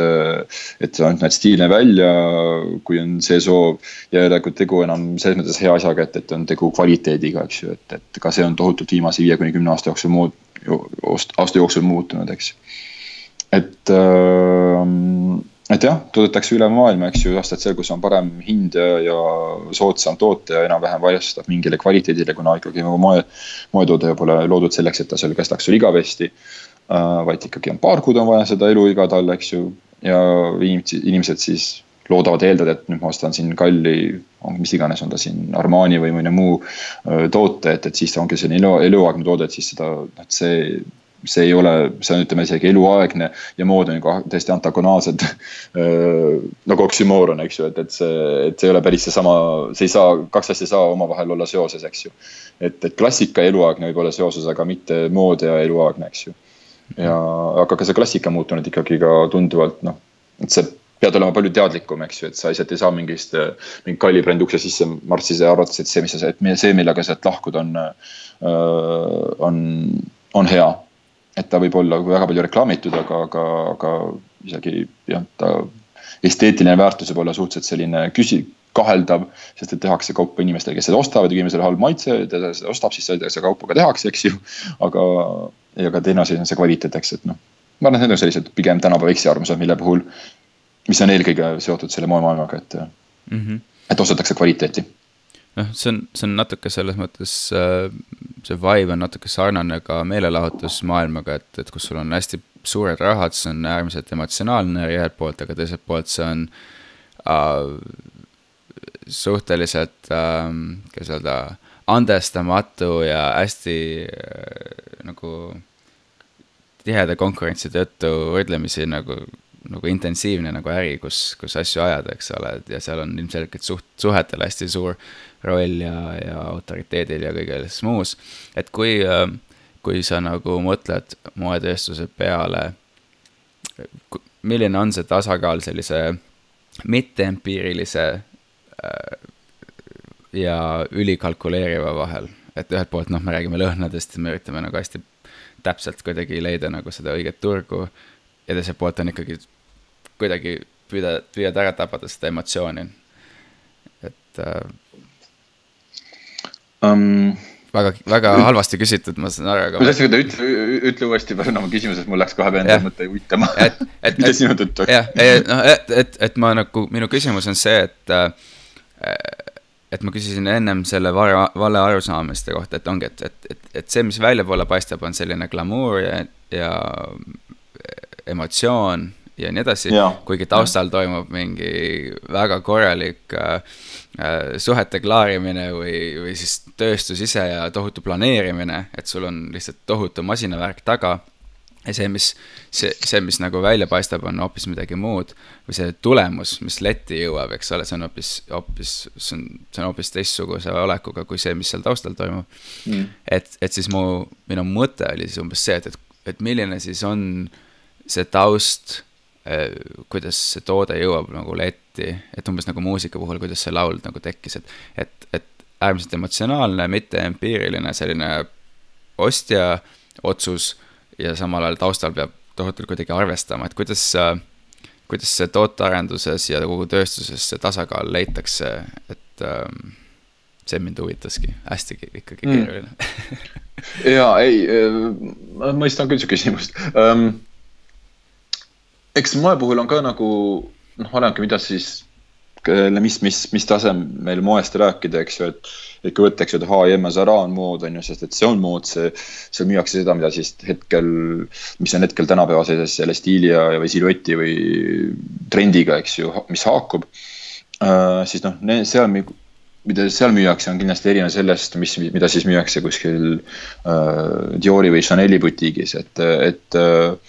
et kui Zara või H&M, eks, ehk siis nii-öelda kõigile kättesaadav brändid teevad täiesti ju selget tootearendust arvestades turusoovi ja seda, et kollektsioon võimalikult, võimalikult hästi müüks, eks ju. Et, et seal käib see, no see emotsionaalne pool on suhteliselt kalkuleeritud, eks ju, et sul on see, sul on see kollektsiooniplaan, sa tead, mida sa sinna pead panema, sa pead, tead, palju sul peab olema mantleid, pükse ja, ja särke ja. ja millises värvitoonides enam-vähem ja, ja, ja siis, kui palju sinna võib panna moekaupa sisse, eks. et on selline väga kalkuleeritud, et, et ta ikkagi, et ta ikkagi äh, tooks hooaja lõpus kätte selle oodatud tulu. muidugi ka Chanel'is ja Dioris on kõik see samamoodi, eks ju, et, et, et kui palju see peab olema sellist äh, madala kontsaga kinga, keskmise kontsaga kinga ja kõrgema kontsaga kinga või, või laia, sügava dekolteega särki ja mitte sügava dekolteega särki, eks ju. aga siis muidugi siis iga seda objekti üritatakse luua niivõrd brändiga brändi käekirjaga ja, ja, ja filosoofiaga kooskõlas, et ta oleks ikkagi eriline, eks ju, et, et siis kuidagi teistsugune konts või kuidagi teistsugune, siis see dekoltee lõige. Äh, et selles mõttes on see nagu emotsionaalsem ja siis sinna hulka ka siis puistatakse natuke neid äh, äh moeshow või siis neid äh, key look'e, et mis siis on muidugi ikkagi väga emotsionaalne, et see. et kui ikkagi moelooja tegeleb siis defilee moeshow kokkupanemisega, et siis ta seal paari nädala jooksul võib see olla väga pingeline kogu, kogu tiimile, et alates siis õmblejatest ja assistentidest kuni siis ta kõigile, kõigile endale, et seal. paar päeva enne võivad muutuda pooled, pooled look'id, kui ta tunneb, et ikkagi see pole päris õige, mis ta tahab sel hooajal öelda ja. Ja, ja inimesed teevad kakskümmend neli tundi järjest tööd, et, et, et, et mingi uus kangasruttu valmis kududa, mida. mingis sellises värvitoonis nagu just on vaja, et siis sellest teha mingi uus kleit, eks ju, et, et see võib olla väga emotsionaalne, et, et see et sealse toote, selle kollektsiooni loomise protsess pole üldse mitte võrreldav nii-öelda mingi HM Zaraga, kus inimesed lähevad kell viis koju ja siis tulevad esmaspäeva hommikul tagasi tööle, eks ju, et. kus selliseid öiseid äh, ülesistumisi eriti ette ei tule, kuna tegu on suhteliselt nagu normeerituma protsessiga, mitte nagu loomis, loova protsessiga, nagu seda võib juhtuda siis moelooja ateljees, aga noh, see on siis, ütleme siis selle kollekts-, moeshow defiile kollektsiooni puhul, et, et kui ülejäänud ka sellised kommertstooted, mida tehakse turundusosakonnas. et seal käib asi natukene jah, vaadatakse Excelit ja, ja, ja klientide soove ja geograafilisi eelistusi ja mida siis on parasjagu just vaja mm. -hmm. ja eks, eks ongi jah, mu paljud küsimused ongi seotud äh, rohkem sellega, on rohkem selle mitte haute couture'iga, vaid sellega, kuidas inimkonda nii-öelda riidesse panna, eks ole. et äh, ja kuidas see kõik toimub, et, äh, et noh, sa juba korraks mainisid Sarad ja, ja nii edasi, et et kui me räägime kiirmoest versus kvaliteettoodetest, et, et, ähm, et paljud asjad äh,, ma korraks lähen oma, oma rant, eks ole, et, et paljud asjad, mida me maailmas toodame äh,, jäävad alatiseks maapinnale ning see on mm. selline mm., see on nagu pöördumatult äh, osa meie ajastu kultuurikihist, eks ole, et kui tulevikus äh, äh, antropoloogid hakkavad uurima, et kuidas siis asi välja nägi, et siis äh, siis, siis nad ja. avastavad igasuguseid huvitavaid asju, mida siis, siis, mis, mis täna tuntakse, mida täna tuntakse antropotseenina üldse. ja kas sinu arvates see kiirmood on tulnud, et, et jääda? ja, ja kas on üldse võimalik inimestel selgeks teha, et miks me ei saa ühiskonnana lubada kolme euroseid T-särke või, või mis iganes sellist? jah, ma ma kardan, et see kiirmood on tulnud jah, selleks, et eh, hetkel vähemasti jääda ja inimestele ma kardan ka, et ei ole võimalik selgeks teha. miks saame neid kolme, miks ei saa endale osta kolme euroseid särke, sellepärast et. et isegi kui selleks on vaja ikkagi ju haridust ja ka ja eelkõige teatud elatustaset, et sa sellistest asjadest abstraktsetest ideaalidest aru saaksid, et kui sa ikkagi tahad mingit endale asja, siis sa selle endale ostad, kui sul ikkagi on vaja ja sa nagu mõtled, et pärast mind kas või veeuputus, eks ju et suurem osa tänasest ühiskonnast toimib sellisel printsiibil ja, ja suurem osa ju suurfirmadest toimivad sellisel printsiibil, et on vaja sul aasta lõpuks äh, börsile mingi summa raha välja köhida ja kui sa pead lahti laskma selle tõttu viissada inimest ja, ja minema veel odavamasse Bangladeshi firmasse, siis seda teed, eks ju. et, äh, et see on kurb, aga nii seda on, aga, aga ma ja ma kardan, et see hetkel küll ei muutu, enne kui tuleb mingi sellisem noh tõeliselt korralik katastroof, et, äh, et on see siis kliima või mingi, mingi muu asi, eks ju, mis siis äh, võib lõppeda väga suurel osal inimestest väga kurvalt, aga, aga siis nendele, kes siis alles jäävad. Äh, et, et, et tekib selline otsus, kas siis teadlik või, või, või keskkonnast peale sunnitud teistmoodi edasi, edasi minna mm. -hmm. et noh, see on see, ma olen selline võib-olla natukene pessimistlik selles mõttes sellise tule, selles mõttes selle tuleviku osas, et, et millal see tekib, seda ei tea, eks ju. aga ma pigem jah, ma ei mäleta, kes oli see, kas see oli, kes äkki äh, New York Timesis või oli see, mõnes muus, oli üks teine väljaanne, kus üks ajaloolane sellest kirjutas, kuidas inim-, kuidas inimes- või kuidas maa kuidas maa tsivilisatsioonis inimestel on üle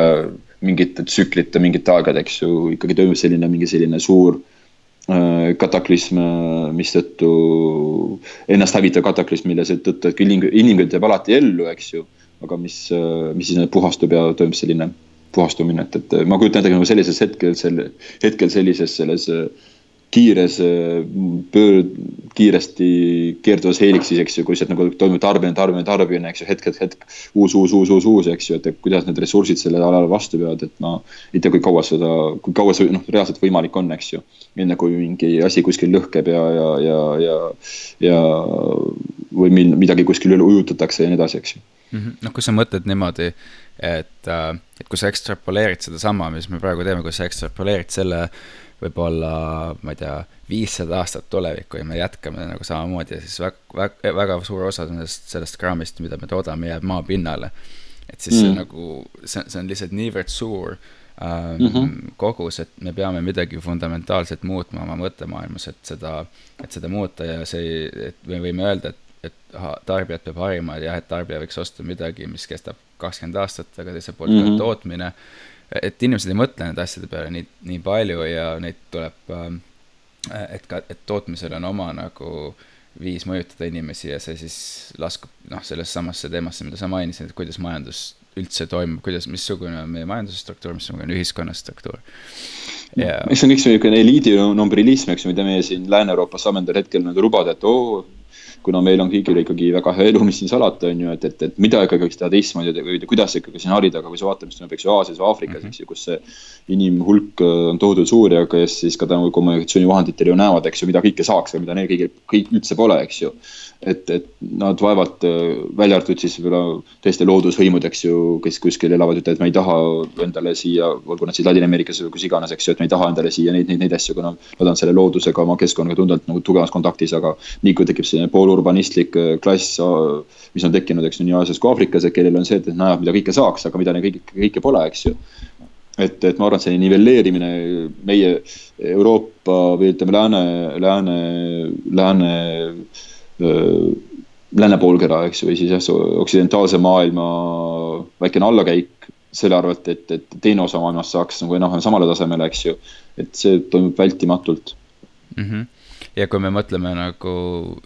sellele teemale edasi, et nii-öelda inimeste riidesse panemine, eks ole, et, et me ühelt poolt räägime sellest, kui hea elu meil nii-öelda läänemaailmas on, et, et me saame nagu valida, et nagu nüansid siia-sinna, eks ole, kui, kui lai on, on see krae või värvid või mood, et siis teiselt poolt me vaatame, kui me vaatame täna inimest, et kui, kui me korra, ükskord sõpradega rääkisime sellist naljatades, et kui me, kui, kui äh, reaalselt nagu äh, keegi, keegi tuleks, eks ole, kuskilt kosmosest ja maanduks siin praegu ja, või vaatab, et nagu mida kannavad siis inimesed või maaelanikud, et siis meil on nagu, praegu on nagu see T-särk ja teksad on nagu selline maaelaniku uniform, eks ole. mingis mõistes selline, hästi lihtsustatud öeldud. sada aastat tagasi see oli midagi muud ja sada aastat enne seda oli see oli hoopis midagi muud. et, et kui me mõtleme inimkonna riidesse panemist ähm, kuidas sa näed, et nagu inimkond, kuhu me liigume nagu, et kas me liigume mingi sellise praktilisema, uniformsema riietuse suunas või tuleb enne mingisugune tohutu pauk ja siis tekib mingi ekstravagantsus või ole, kas, kas moemaailmas käib selle üle üldse mingi jutt um,? Selle üle vist, nii palju, kui ma nagu jälgin, et nagu sellist debatti küll vist ei käi hetkel. aga ma arvan, et see on ikkagi olnud suhteliselt sarnane ju hästi pikalt, muidugi on mingeid nüanssilisi erinevusi, mis on tekkinud tehnoloogiate tõttu, aga. aga kui sa võtad selle tavainimese, kas ta siis aastal tuhat üheksasada või tänapäeval, et, et muidugi see hulk riideid, mis on inimesel on mitmekordistunud, on ju, see ei ole üldse võrreldav. aga see baas on ikkagi ju seesama, eks ju, tal on see mingi, mingi jakk, mingi äh,, mingid püksid ja, ja mingi mingi särk, mingi müts. Äh, et kas ta noh, lõpuks iga asi on, eks ju, oma põhiplaanid nagu T-särk, et kas ta on nööbi tees või üles on detail, on ju. Äh, iga asi on tegelikult oma põhiplaanid püksid, eks ju, kas ta siis on nagu laiema, laiem oma äh, värvliga või mitte, et see on nagu selles mõttes ka nüanss, eks et ma arvan, et ega siin midagi ei muuta, kui tõesti nagu väga kaugele läheks, nagu sa räägid, et kui keegi vaataks meid, et noh, see, kui sul on see T-särk nagu tõesti natukene laiem ja teisel on natuke veel pikemat, aga Eesti, kui tema jaoks on see täiesti nagu üks ja sama asi, kuna tema jaoks on see lihtsalt selline anakronism, eks. Et noh, hetkel me mingid, kui ta mingeid selliseid, kui science fiction'i ulme poole pealt rääkida, et ma küll ei kujuta ette, et mingid sellised trikood tekiks, mida kõik kannaksid ühesugused, et, et ma arvan, et see on äh, selline, selline ähm, diktatuurilike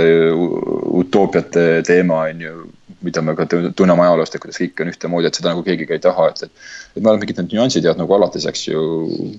et kas on siis sul T-särk või on ta siis sul mingi, mingi midagi muud, et isegi ma arvan, et see ei ole üldse oluline, oluline see, kui palju sul neid T-särke on ja kui sul teiseks sul vastu peab, eks ju, kas sa pead tahtma iga päev oma T-särki vahetada, et, et. et ma arvan, et mitte jah, ei muutu võib-olla see, ei muutu see see stiil, eks ju, et noh, ütleme mingid, nüansid muidugi arenevad edasi, eks ju. aga pigem see jah, et, et, et, et kui võtame siis sada aastat tagasi, et kui palju oli inimesel, kui noh, inimene läks, mõtle ise reisile, eks ju, läks oma auriku peale Ameerikasse. ta läks ühe kohvriga, see Euroopa immigrant sinna, eks ju. kus tal olid siis sees püksid, särk ja jakk ja need püksid, särk ja jakk olid tal kogu aeg seljas ja ta, või isegi kaks paari pükse äkki. ja täna siis minnakse ühe nädala, üheks nädalavahetuseks on mingi tohutu pagas kaasas, kus sul on siin kümme särki, kümme paari pükse, eks ju, ja siis nii palju, sama palju on sul kodus kuskil kapis ootamas, et. et noh, see ikkagi valikuvariantide hulk, hulk, kui palju sul neid asju on. no see on ikkagi tohutu, eks ju mm., ja, ja. ja see on muidugi väga tore, on ju selline igapäevane mäng, aga see on sama see planeedi seisukoha pealt ja kõik see ressursi seisukoha pealt ja kas see nagu äh, jätkusuutlik on muidugi iseküsimuseks mm. -hmm ja, ja ma ei mõelnudki uni-, uniform on halb sõna, ma ei mõelnudki üldse mingisugust vormi või mundrit, ma mõtlesin pigem sellist asja, et, et inimesed on tajunud, et neil on nagu, kui vähem vaja, et olla õnnelik, rohkem sellist stoitsistlikku mõttelaadi, et, äh, et, et kui, et kui vaadata nagu pragmaatilistest, noh, asjadest lähtuvalt, meil on nagu mingi äh, vari pea kohal, eks ole, et me ei ole enam nagu koopas ja meil, et, et see rõiva funktsioon on hoopis midagi muud kui võib-olla mm., eks seal viis aastat tagasi, sest kogu elu yeah. on muutunud, et meil on mingid autod ja me, me elame nagu mingis tehis sellises maailmas, me ei veeda metsa all, eks ole, nagu öid et see, see oli pigem nagu sellisest aspektist. äh, noh, ma arvan, et senikaua kui Instagramis on hashtag'id YOLO ja muud sellised öö, öö, FOMO-d on ju ja neid on neid on sadu tuhandeid, siis see nagu ei muutu, et see on selline mingi jah, muidu mingi osa inimkonnast on muidugi mõtleb selliste asjade peale, kellel on siis see haridustase ja elukvaliteet piisavalt hea, et, et isegi, eks ju, üritan osta endale tegelikult nii vähe riideid kui vähegi võimalik, eks ju, kuna kapp on riided täis ja kõike nagunii jõua kanda. ja pole nagu rohkem vaja, eks ju, et osad nagu, kui midagi reaalselt on vaja ja siis aeg-ajalt ikkagi, noh muidugi. olles kõige selle keskel ja, ja, ja, ja erialastest äh, väikestest äh, kiiksudest lähtuvalt ikka vaatad, et oh, et ikkagi neid roosasid tosse tahaks saada või mingit seda eriti laia T-särki, eks ju. aga noh, pigem üritad nagu, pigem üritan vältida see kõik nagu väga tüütab, eks ju, et, et mingisse riidepoodi minna vabast ajast, et vanasti läksid reisile kümme aastat tagasi ikkagi, et oo, läheksid, vaataks kohe neid riidepoode, aga peale selle, et ma muutun igal pool samasugust, samasugusteks, siis muidugi see enam nendesse poodidesse üritan, üritan ka mitte minna, pigem käin muuseumis, teatris või mingid sellises või restoranis, eks ju, et noh üritad tarbida seda, mis võtaks võib-olla vähe mingit sellist äh, füüsilist uh, ruumi mm, -hmm. pigem nagu ajukõvaketest uh, rikastaks mm. -hmm. noh, kogem-, kogemused versus asjad, eks ole, see klassikaline mm, -hmm. klassikaline selline debatt.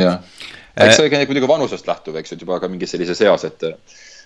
et on suudetud kapp asju täis kuhjata ja, ja olles nagu niivõrd priviligeeritud, et selles maailmas töötades sees on seal nagu kõik, mida mingi hetk süda ihkas, et, et, et neid on sul olemas, eks ju, kui hakkad vaatama. aga jah, kas on vaja mm? -hmm. vist ei ole ikkagi vaja, pigem ja, oleks vaja midagi muud Uh, räägime natuke Eestist ka, et jõuame, jõuame tagasi kodu, kodu Koju. Eestisse. et um, et ma lugesin mingit huvitavat intervjuud, mida sa mulle saatsid ja, ja ma vaatasin, et sul, sa ütlesid, et sul on telefonis valmis mingi pilt, et kus, kus Eesti asub, et saab inimestele näidata, et, et, et ma küsiks niipidi, et kui keegi küsib, mitte kus on Eesti, sest see on nagu selline asi, mis, millel on võrdlemisi standardsed vastused juba, ma küsin, et, et kui keegi küsib ähm,, et kus on Eesti ja sa selgitad selle asja ära siis võib-olla on võimalus rääkida, milline on Eesti, siis kuidas, kuidas sa Eestist räägid um,? ma,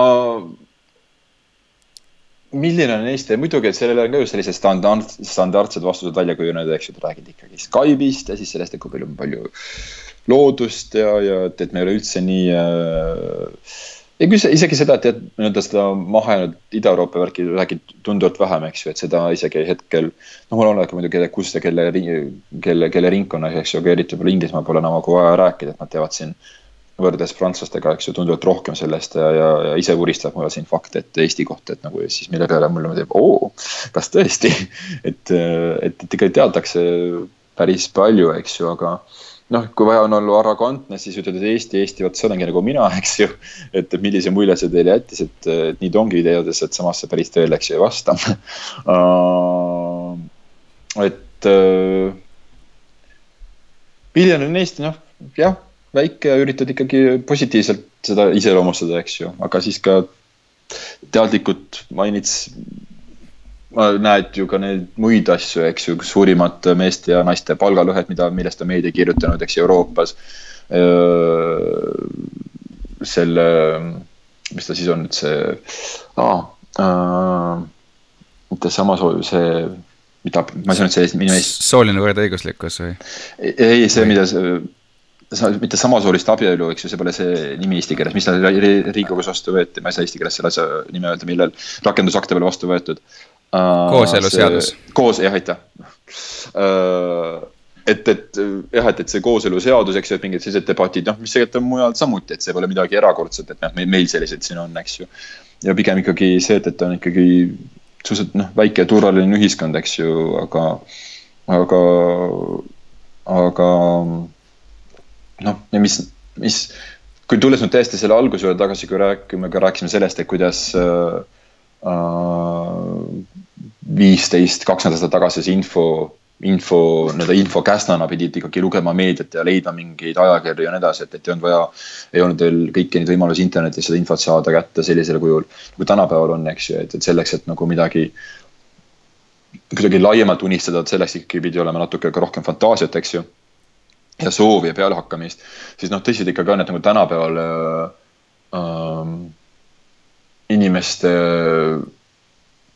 saamatust kohati või inimeste saamatusele ja, ja, ja, ja, ja mingites, mingis asjas nagu harimatusele õigustust leida on selles mõttes tunduvalt raskem, eks ju, et, et võiks öelda iga asi nagu paari hiirekliki kaugusel, kui sul tõesti huvi on. et nagu pealehakkamist ja kui sa usin oled, eks ju, tahad tööd teha, siis ei pea sa selleks äh, muidugi pead sa vaeva nägema, eks ju, aga selleks, et seda nagu baasinfot saada, et, et selle najal tegutsema hakata, et see ei ole enam üldse nii raske, eks ju aga tundub, et nagu paljudele siiski on veel väga raske. ja sellest on nagu kahju just nagu Eesti kontekstis ka nagu võib-olla abstrakt, abstraktsemalt rääkida, et ütleme selline mingi, mingis mõttes piiratus, eks ju, aga, aga muidugi ma olen väga noh, mul ei ole mitte kunagi olnud mingi õnneks vaja olnud häbi tunda Eesti pärast ja, ja, ja ma ei ole mitte kunagi seda äh, mäbenenud või valetanud oma mingi päritolu kohta, et mul on nagu väga ma olen nagu väga uhke selle üle, et ma olen Eestist ja ma olen muidugi Eest- ja vaatamata kõik ikka kõikidele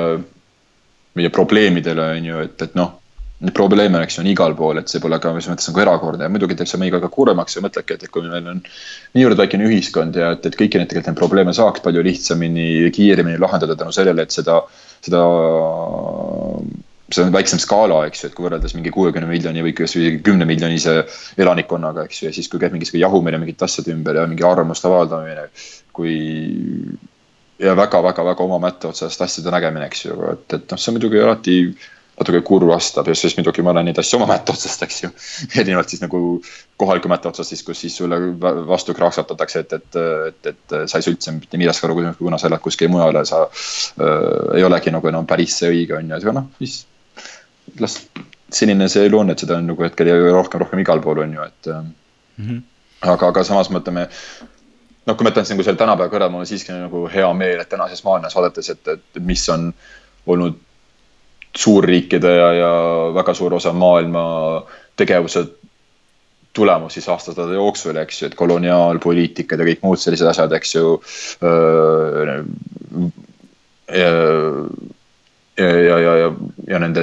mõjupiirkondade jagamised, eks ju, et olgu siis ta noh, selle tulemus siis tänapäeval Lähis-Idas, eks ju, mingitel, mingil hetkel vägivaldselt on tõmmatud piirid äh, Suurbritannia ja, ja Prantsusmaa ja poolt on ju, siis veel USA sinna juurde kuskil Kagu-Aasias ja mis nad kas, mis toimus nagu Vietnamis või Laoses või Kambodžas, eks ju, ja nii edasi, nii edasi, nii edasi. et siis noh, nagu kõige selle taustal on ikkagi väga hea meel, et, et, et, et selles osas vähemasti ei pea tundma mitte mingit ajaloolist nii-öelda abstraktse, abstraktse süümepiina, eks ju. ja, ja, ja, ja kui käivad mingid sellised eh, suur, kas siis suurriikide esindajate äh, äh, moraliseerivad debatid, et kuidas ikka peaks tegema asju, kuidas võiks teha asju ja nii edasi, siis nagu vaatad ja kuulad neid ja mõtled nagu jah, aga kui me nüüd vaatame nagu ajalukku ja. ja seda, et vähemasti mingites osade või mingites küsimustes, et, et kust me, meie oleme tulnud, eks ju, millised on meie, meie viisid Eestis asju teha. nii-öelda kasvõi vabadusvõitlused või, või, või nii-öelda äh, laulva revolutsioon ja, ja nii edasi, eks ju. et, äh, et ei ole toimunud kuskil pommide panemist või, või enese õhkamist ja. et ta nagu asju teha nagu teistmoodi, et, et kui vanasti vaatad, noh, kui vaatad seda kogu seda Eesti ajalugu väga laiast, laiast plaanist, eks ülemaailmselt. et, et see on ikkagi suhteliselt nagu mitte nüüd erakordne, eks ju, et siin on Lätis ja samamoodi, aga Aasia maades kohati võib samamoodi olla Aafrikaski, eks ju, mingite pisi, pisikeste riikide tasandil, kui neid täpselt ei tea. et on nagu hea meel selle üle, et, et on see väikene rahvakild sellel väiksel sellel väiksel pinnal, eks ju, ühelt poolt suutnud ellu jääda vaatamata kõigele ja, ja, ja, ja keerulistele olukord, olukordadele, eks ju, ja seda siiski ikkagi noh, provintslikult, eks ju, aga siiski väga väga kultuurselt lõppkokkuvõttes, eks ju, et kui sa me noh, me seda palju ei tea, eks ju, mis toimub kas või nagu Aasia riikides, kuna me muidugi seda koolis ei õpi, eks selle vastu olema väga-väga palju, väga palju isi, isiklikku huvi, et nagu nende ajalugusid lugeda, eks ju, aga kui ma, ma käisin nüüd hiljuti Vietnamis, eks ju, siis pikal lennureisil muidugi, siis ma lugesin Vietnami ajaloost ja siis muidugi ka siin otsa kasvõi Tai ja Kambodža ja Laos ajaloost, eks ju, kui sa mõtled kasvõi mis nagu seal endal, et noh, isegi välisriikidest sõltumatult, et mingid need väga vanad tsivilisatsioonid muidugi kõik, eks ju, aga mis sõdu seal on peetud ja kasvõi alles täiesti hiljuti on ju paarkümmend aastat tagasi Pol Pot ja Kambodža veresaunad ja, ja nende omavahelised arvete klaarimised, et nagu noh, kõike seda lugedes on nagu ääretult hea tunne, et vähemasti meie ajaloos selliseid, selliseid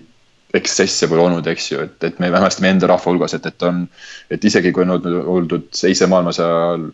ühed, kes siis olid tulihingelised kommunistid, teised, kes võisid olla, eks ju, Saksa SS-i ridades äh, ja mitte ainult siis seetõttu, et see on sunnitud ütlema kasvõi siis veendumustelt, eks ju, aga ei ole toimunud mitte kunagi sellist ikkagi noh, sellisel tasemel, tasemel äh, vastandumist rahva hulgas, et mis oleks lõppenud mingite selliste noh, perevalamistega, eks ju, ja, ja, ja.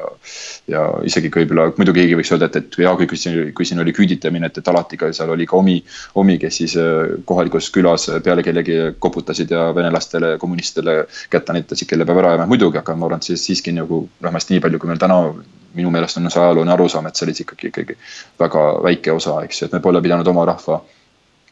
liikmete üle mõistma kohut, eks ju, kas nagu Natsi-Saksamaal ja nii edasi, et, et kes on teinud selliseid tohutuid kuritegusid, kui noh, mõned erandid välja jätta, aga erandeid on alati, eks ju, igal pool. et noh, selle üle on, on hea meel, et, et isegi kõike sellele tölplusele ja, ja, ja, ja, ja matstusele vaatamata, mis nagu hetkel tundub, et.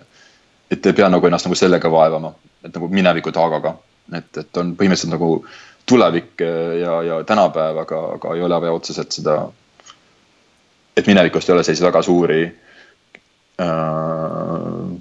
teraapiat vajavaid sessioone me vähemasti ei tohiks meil nagu olla ikkagi mm. -hmm. jah, väga. omade hulgas ma mõtlen, no üldiselt ma arvan, et me oleme nagu rahu armastav, äh, töökas ja väga-väga vastupidav äh, rahvas, et. et me lihtsalt omavahel, äh, kõikidel teistel on täpselt samasugused probleemid ja ma julgeks öelda, et see, kuidas me omavahelisi probleeme lahendame, on üsna üsna hea, me lihtsalt peame õppima natuke paremini suhtlema ja arvestama omadega um,. aga aga me seni oleme nagu üsna head progressi teinud, et noh, mõtle ise kakskümmend viis aastat vaba, et see on et, et siin ühes teises podcast'is tuli välja üks huvitav ütlus, et, et põhimõtteliselt iga kommunismi aasta kohta peaks olema üks äh, nii-öelda iseseisev aasta, et sellest nagu välja kasvada. nii et me oleme poolel teel mm., poolel teel alles mm.. nüüd, kui sa mõtled äh, oma kogemuste peale väljaspool Eestit, kui sa oled olnud päris pikalt juba ja millised on eestlaste voorused ja tugevused, mis, mis aitavad meil äh, rahvusvahelises konkurentsis võita um,? ma arvan, et nagu ja tugevused on ikkagi noh, see, et me oleme nagu, nagu sa ise ka enne mainisid, eks et me oleme, ma arvan, et eestlased, eestlased on, eks ikkagi need, kes on hästi välismaale läinud, eks ju, et on ausad ja töökad inimesed, et, et kelle peale saab kindel olla, et et see on kindlasti, ma arvan, selline oluline, oluline detail ja, ja sealjuures oli, eks ju, ka siirad, eks ju, et ei ole sellist äh, ole sellist äh, mõttetut ressursside raiskamist ja vahutamist mingitel teemadel, eks ju, et mm. -hmm. ja, ja aga samas nagu natukene jääb fantaasiast puudu väga tihti ja, ja nagu nii-öelda reeglite loomingulisest rakendamisest, eks ju, selles mõttes, et nagu iga mis ei tähenda seda, et peaks nagu, mis siis peaks tähendama, et peaks kuskil kuidagi vassima, valetama ja, ja kuidagi OÜ-tama vaid, vaid, vaid pigem seda, et, et noh, et, et mis siis nagu. Et kõik, nagu, mis on mustvalge kirjas, ei ole nagu päris mustvalgel sellisel kujul kirjas mm. -hmm. ja kui sa juba sellele teemale läksid, siis mis sa arvad, mismoodi või mida saaksime me oma oskustes parandada ja, ja käitumises, et meil rahvusvaheliselt läheks veel paremini um,? ja ma arvan, et, et nagu ma ütlesin, et, et nagu sellist fantaasiat võiks, et leidlikkust võiks arendada, et seda on nagu kindlasti muidugi väga raske teha, et seda sa ei lähe sealt õpikoolis, eks ju, nagu seadust ja muud asja, aga see on selline, see on seotud siiski väga tihti ikkagi noh, silmaringiga, eks ju, et sa käid ja näed, kuidas tehakse mujal ja mis võib-olla mõnikord võib selle lööb selle prunni eest ära, et, et okei okay,, et ma saan teha asju teistmoodi ja et, et, et julged unistada, julged ka oma unistusi reaalselt teoks hakata tegema, eks ju. aga noh, muidugi, et see ei saa olema selline, lihtsalt selline äh, sõge rapsimine on ju, et nüüd lähed ja, ja ütled Tallinnas, ma nüüd vallutan Pariisi moemaailma ära ja lähed sinna kuskile arvad, et nüüd lähedki ja saad lüüa ja ukse jalaga lahti, et no muidugi nii see käib ja peab ikka olema nagu realistlik selle juures, eks ju et säilitama siiski pragmaatilisuse, aga, aga ja asju mõistlikult tegema, eks ju äh,. aga jah, sellist, et sellist äh, jah, mõistlikku kavalat ettevõtlikkust nii-öelda välisturgudele liituda, et, et muidugi oleme seal päris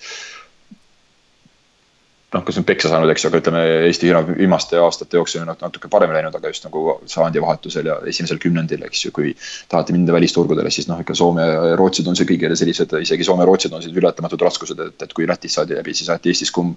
rind kummi ja, ja käidi nagu isakesed, isakesed ringi ja räägiti, et kuidas ikka me käime siin rahvusvaheliselt Eestis, Lätis ja Ukrainas, eks ju, äri ajamas, mis on muidugi väga tore ka, aga aga, aga tundub see ikkagi selline nagu noh, nagu läheks päris maast pärleid müüma, eks ju, et, et, et, et see on väga tore asi, aga see, kui sul antakse vastu teistsuguse vastused, siis sa nende kõrval kohe nagu ähm, kahvatud, et ja mitte ainult nagu seetõttu, et oleks siis ei saaks, ei saa alati öelda, et, et meil on vähem raha ja meil on vähem äh, ressurssi, et, et see äh,. et kuidas seda ressurssi kasutada ja kuidas olla vähem väiklane mingite teemade puhul, eks ju, et äh, noh, kasvõi see Eesti brändi asi, mis praegu või noh, mis bränd, bränd, eks ju, aga see tööriistade kast, eks ju, mis loodi ja kuidas siin, mis,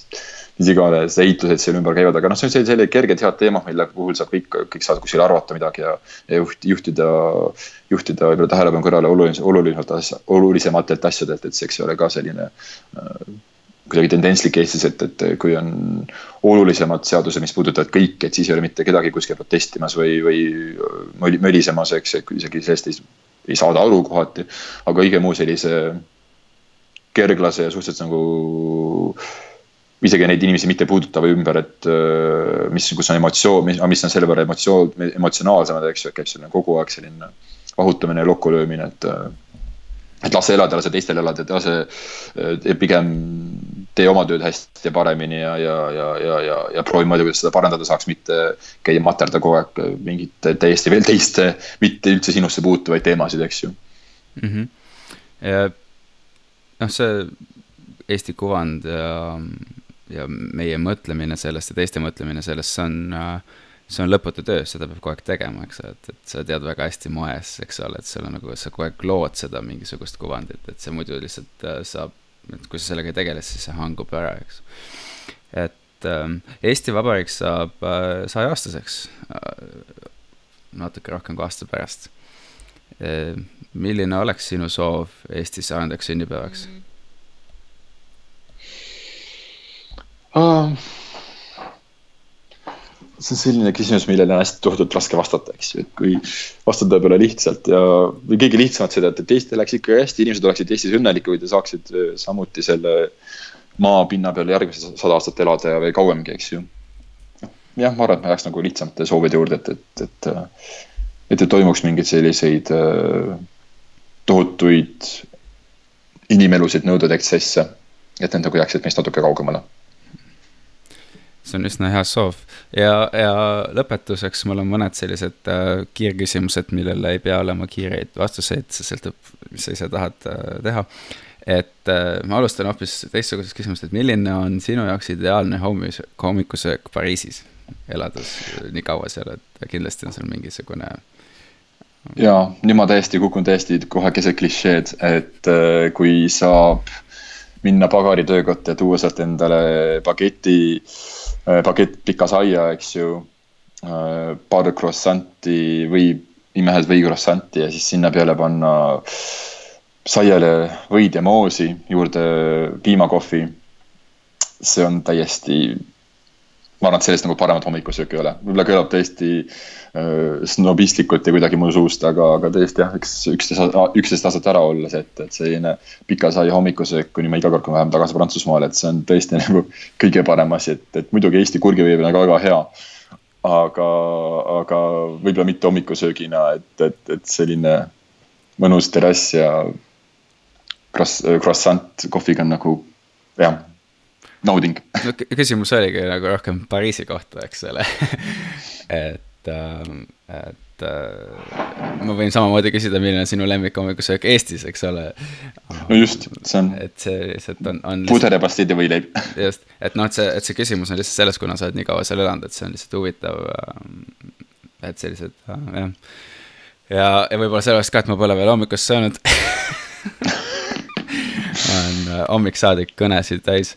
et. mis kell sul praegu seal on üldse? mul on hetkel kaksteist, kaksteist kolmkümmend. aga okay. mul esimene kõne kell kaheksa hommikul juba, et mm -hmm. midagi ei ole teha. ai, ai, ai, ai, ai, ai. et täna on laupäev, aga sellegipoolest on palju tegemist. et äh, äh, kui sa kunagi satud Pariisis, mina annan soovitusi mingile Pariisi inimesele, aga sa oled tõenäoliselt käinud Cafe Klaus muidugi jah. see on, see on minu absoluutne lemmik äh, Pariisis mm. -hmm ja selle looja on kusjuures ka endine moetööstuse inimene, et seal päris palju moe, Klaus, üks sakslane,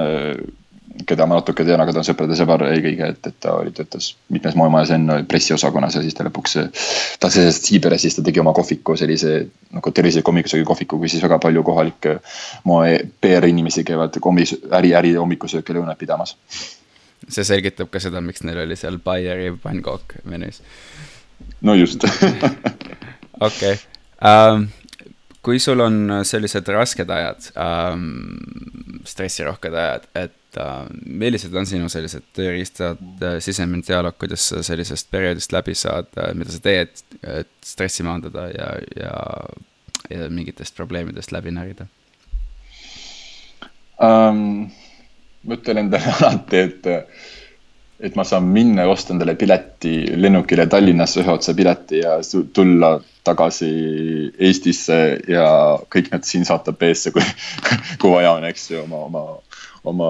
oma arrogantse ja snobistliku ja, ja kapitalistliku käitumisega mm. -hmm. et see on nagu väga hea tegelikult äh, selline B-variant, et, et, et sa tead, et see on sul selline variant on olemas ja mõtled nende peale, et aga neil seda varianti pole, ta võib minna tagasi oma äärelinna, kui ta tahab, aga tal seda varianti pole. jah, äh, minu ekvivalent on see, et, et, et minu arust Eestis on super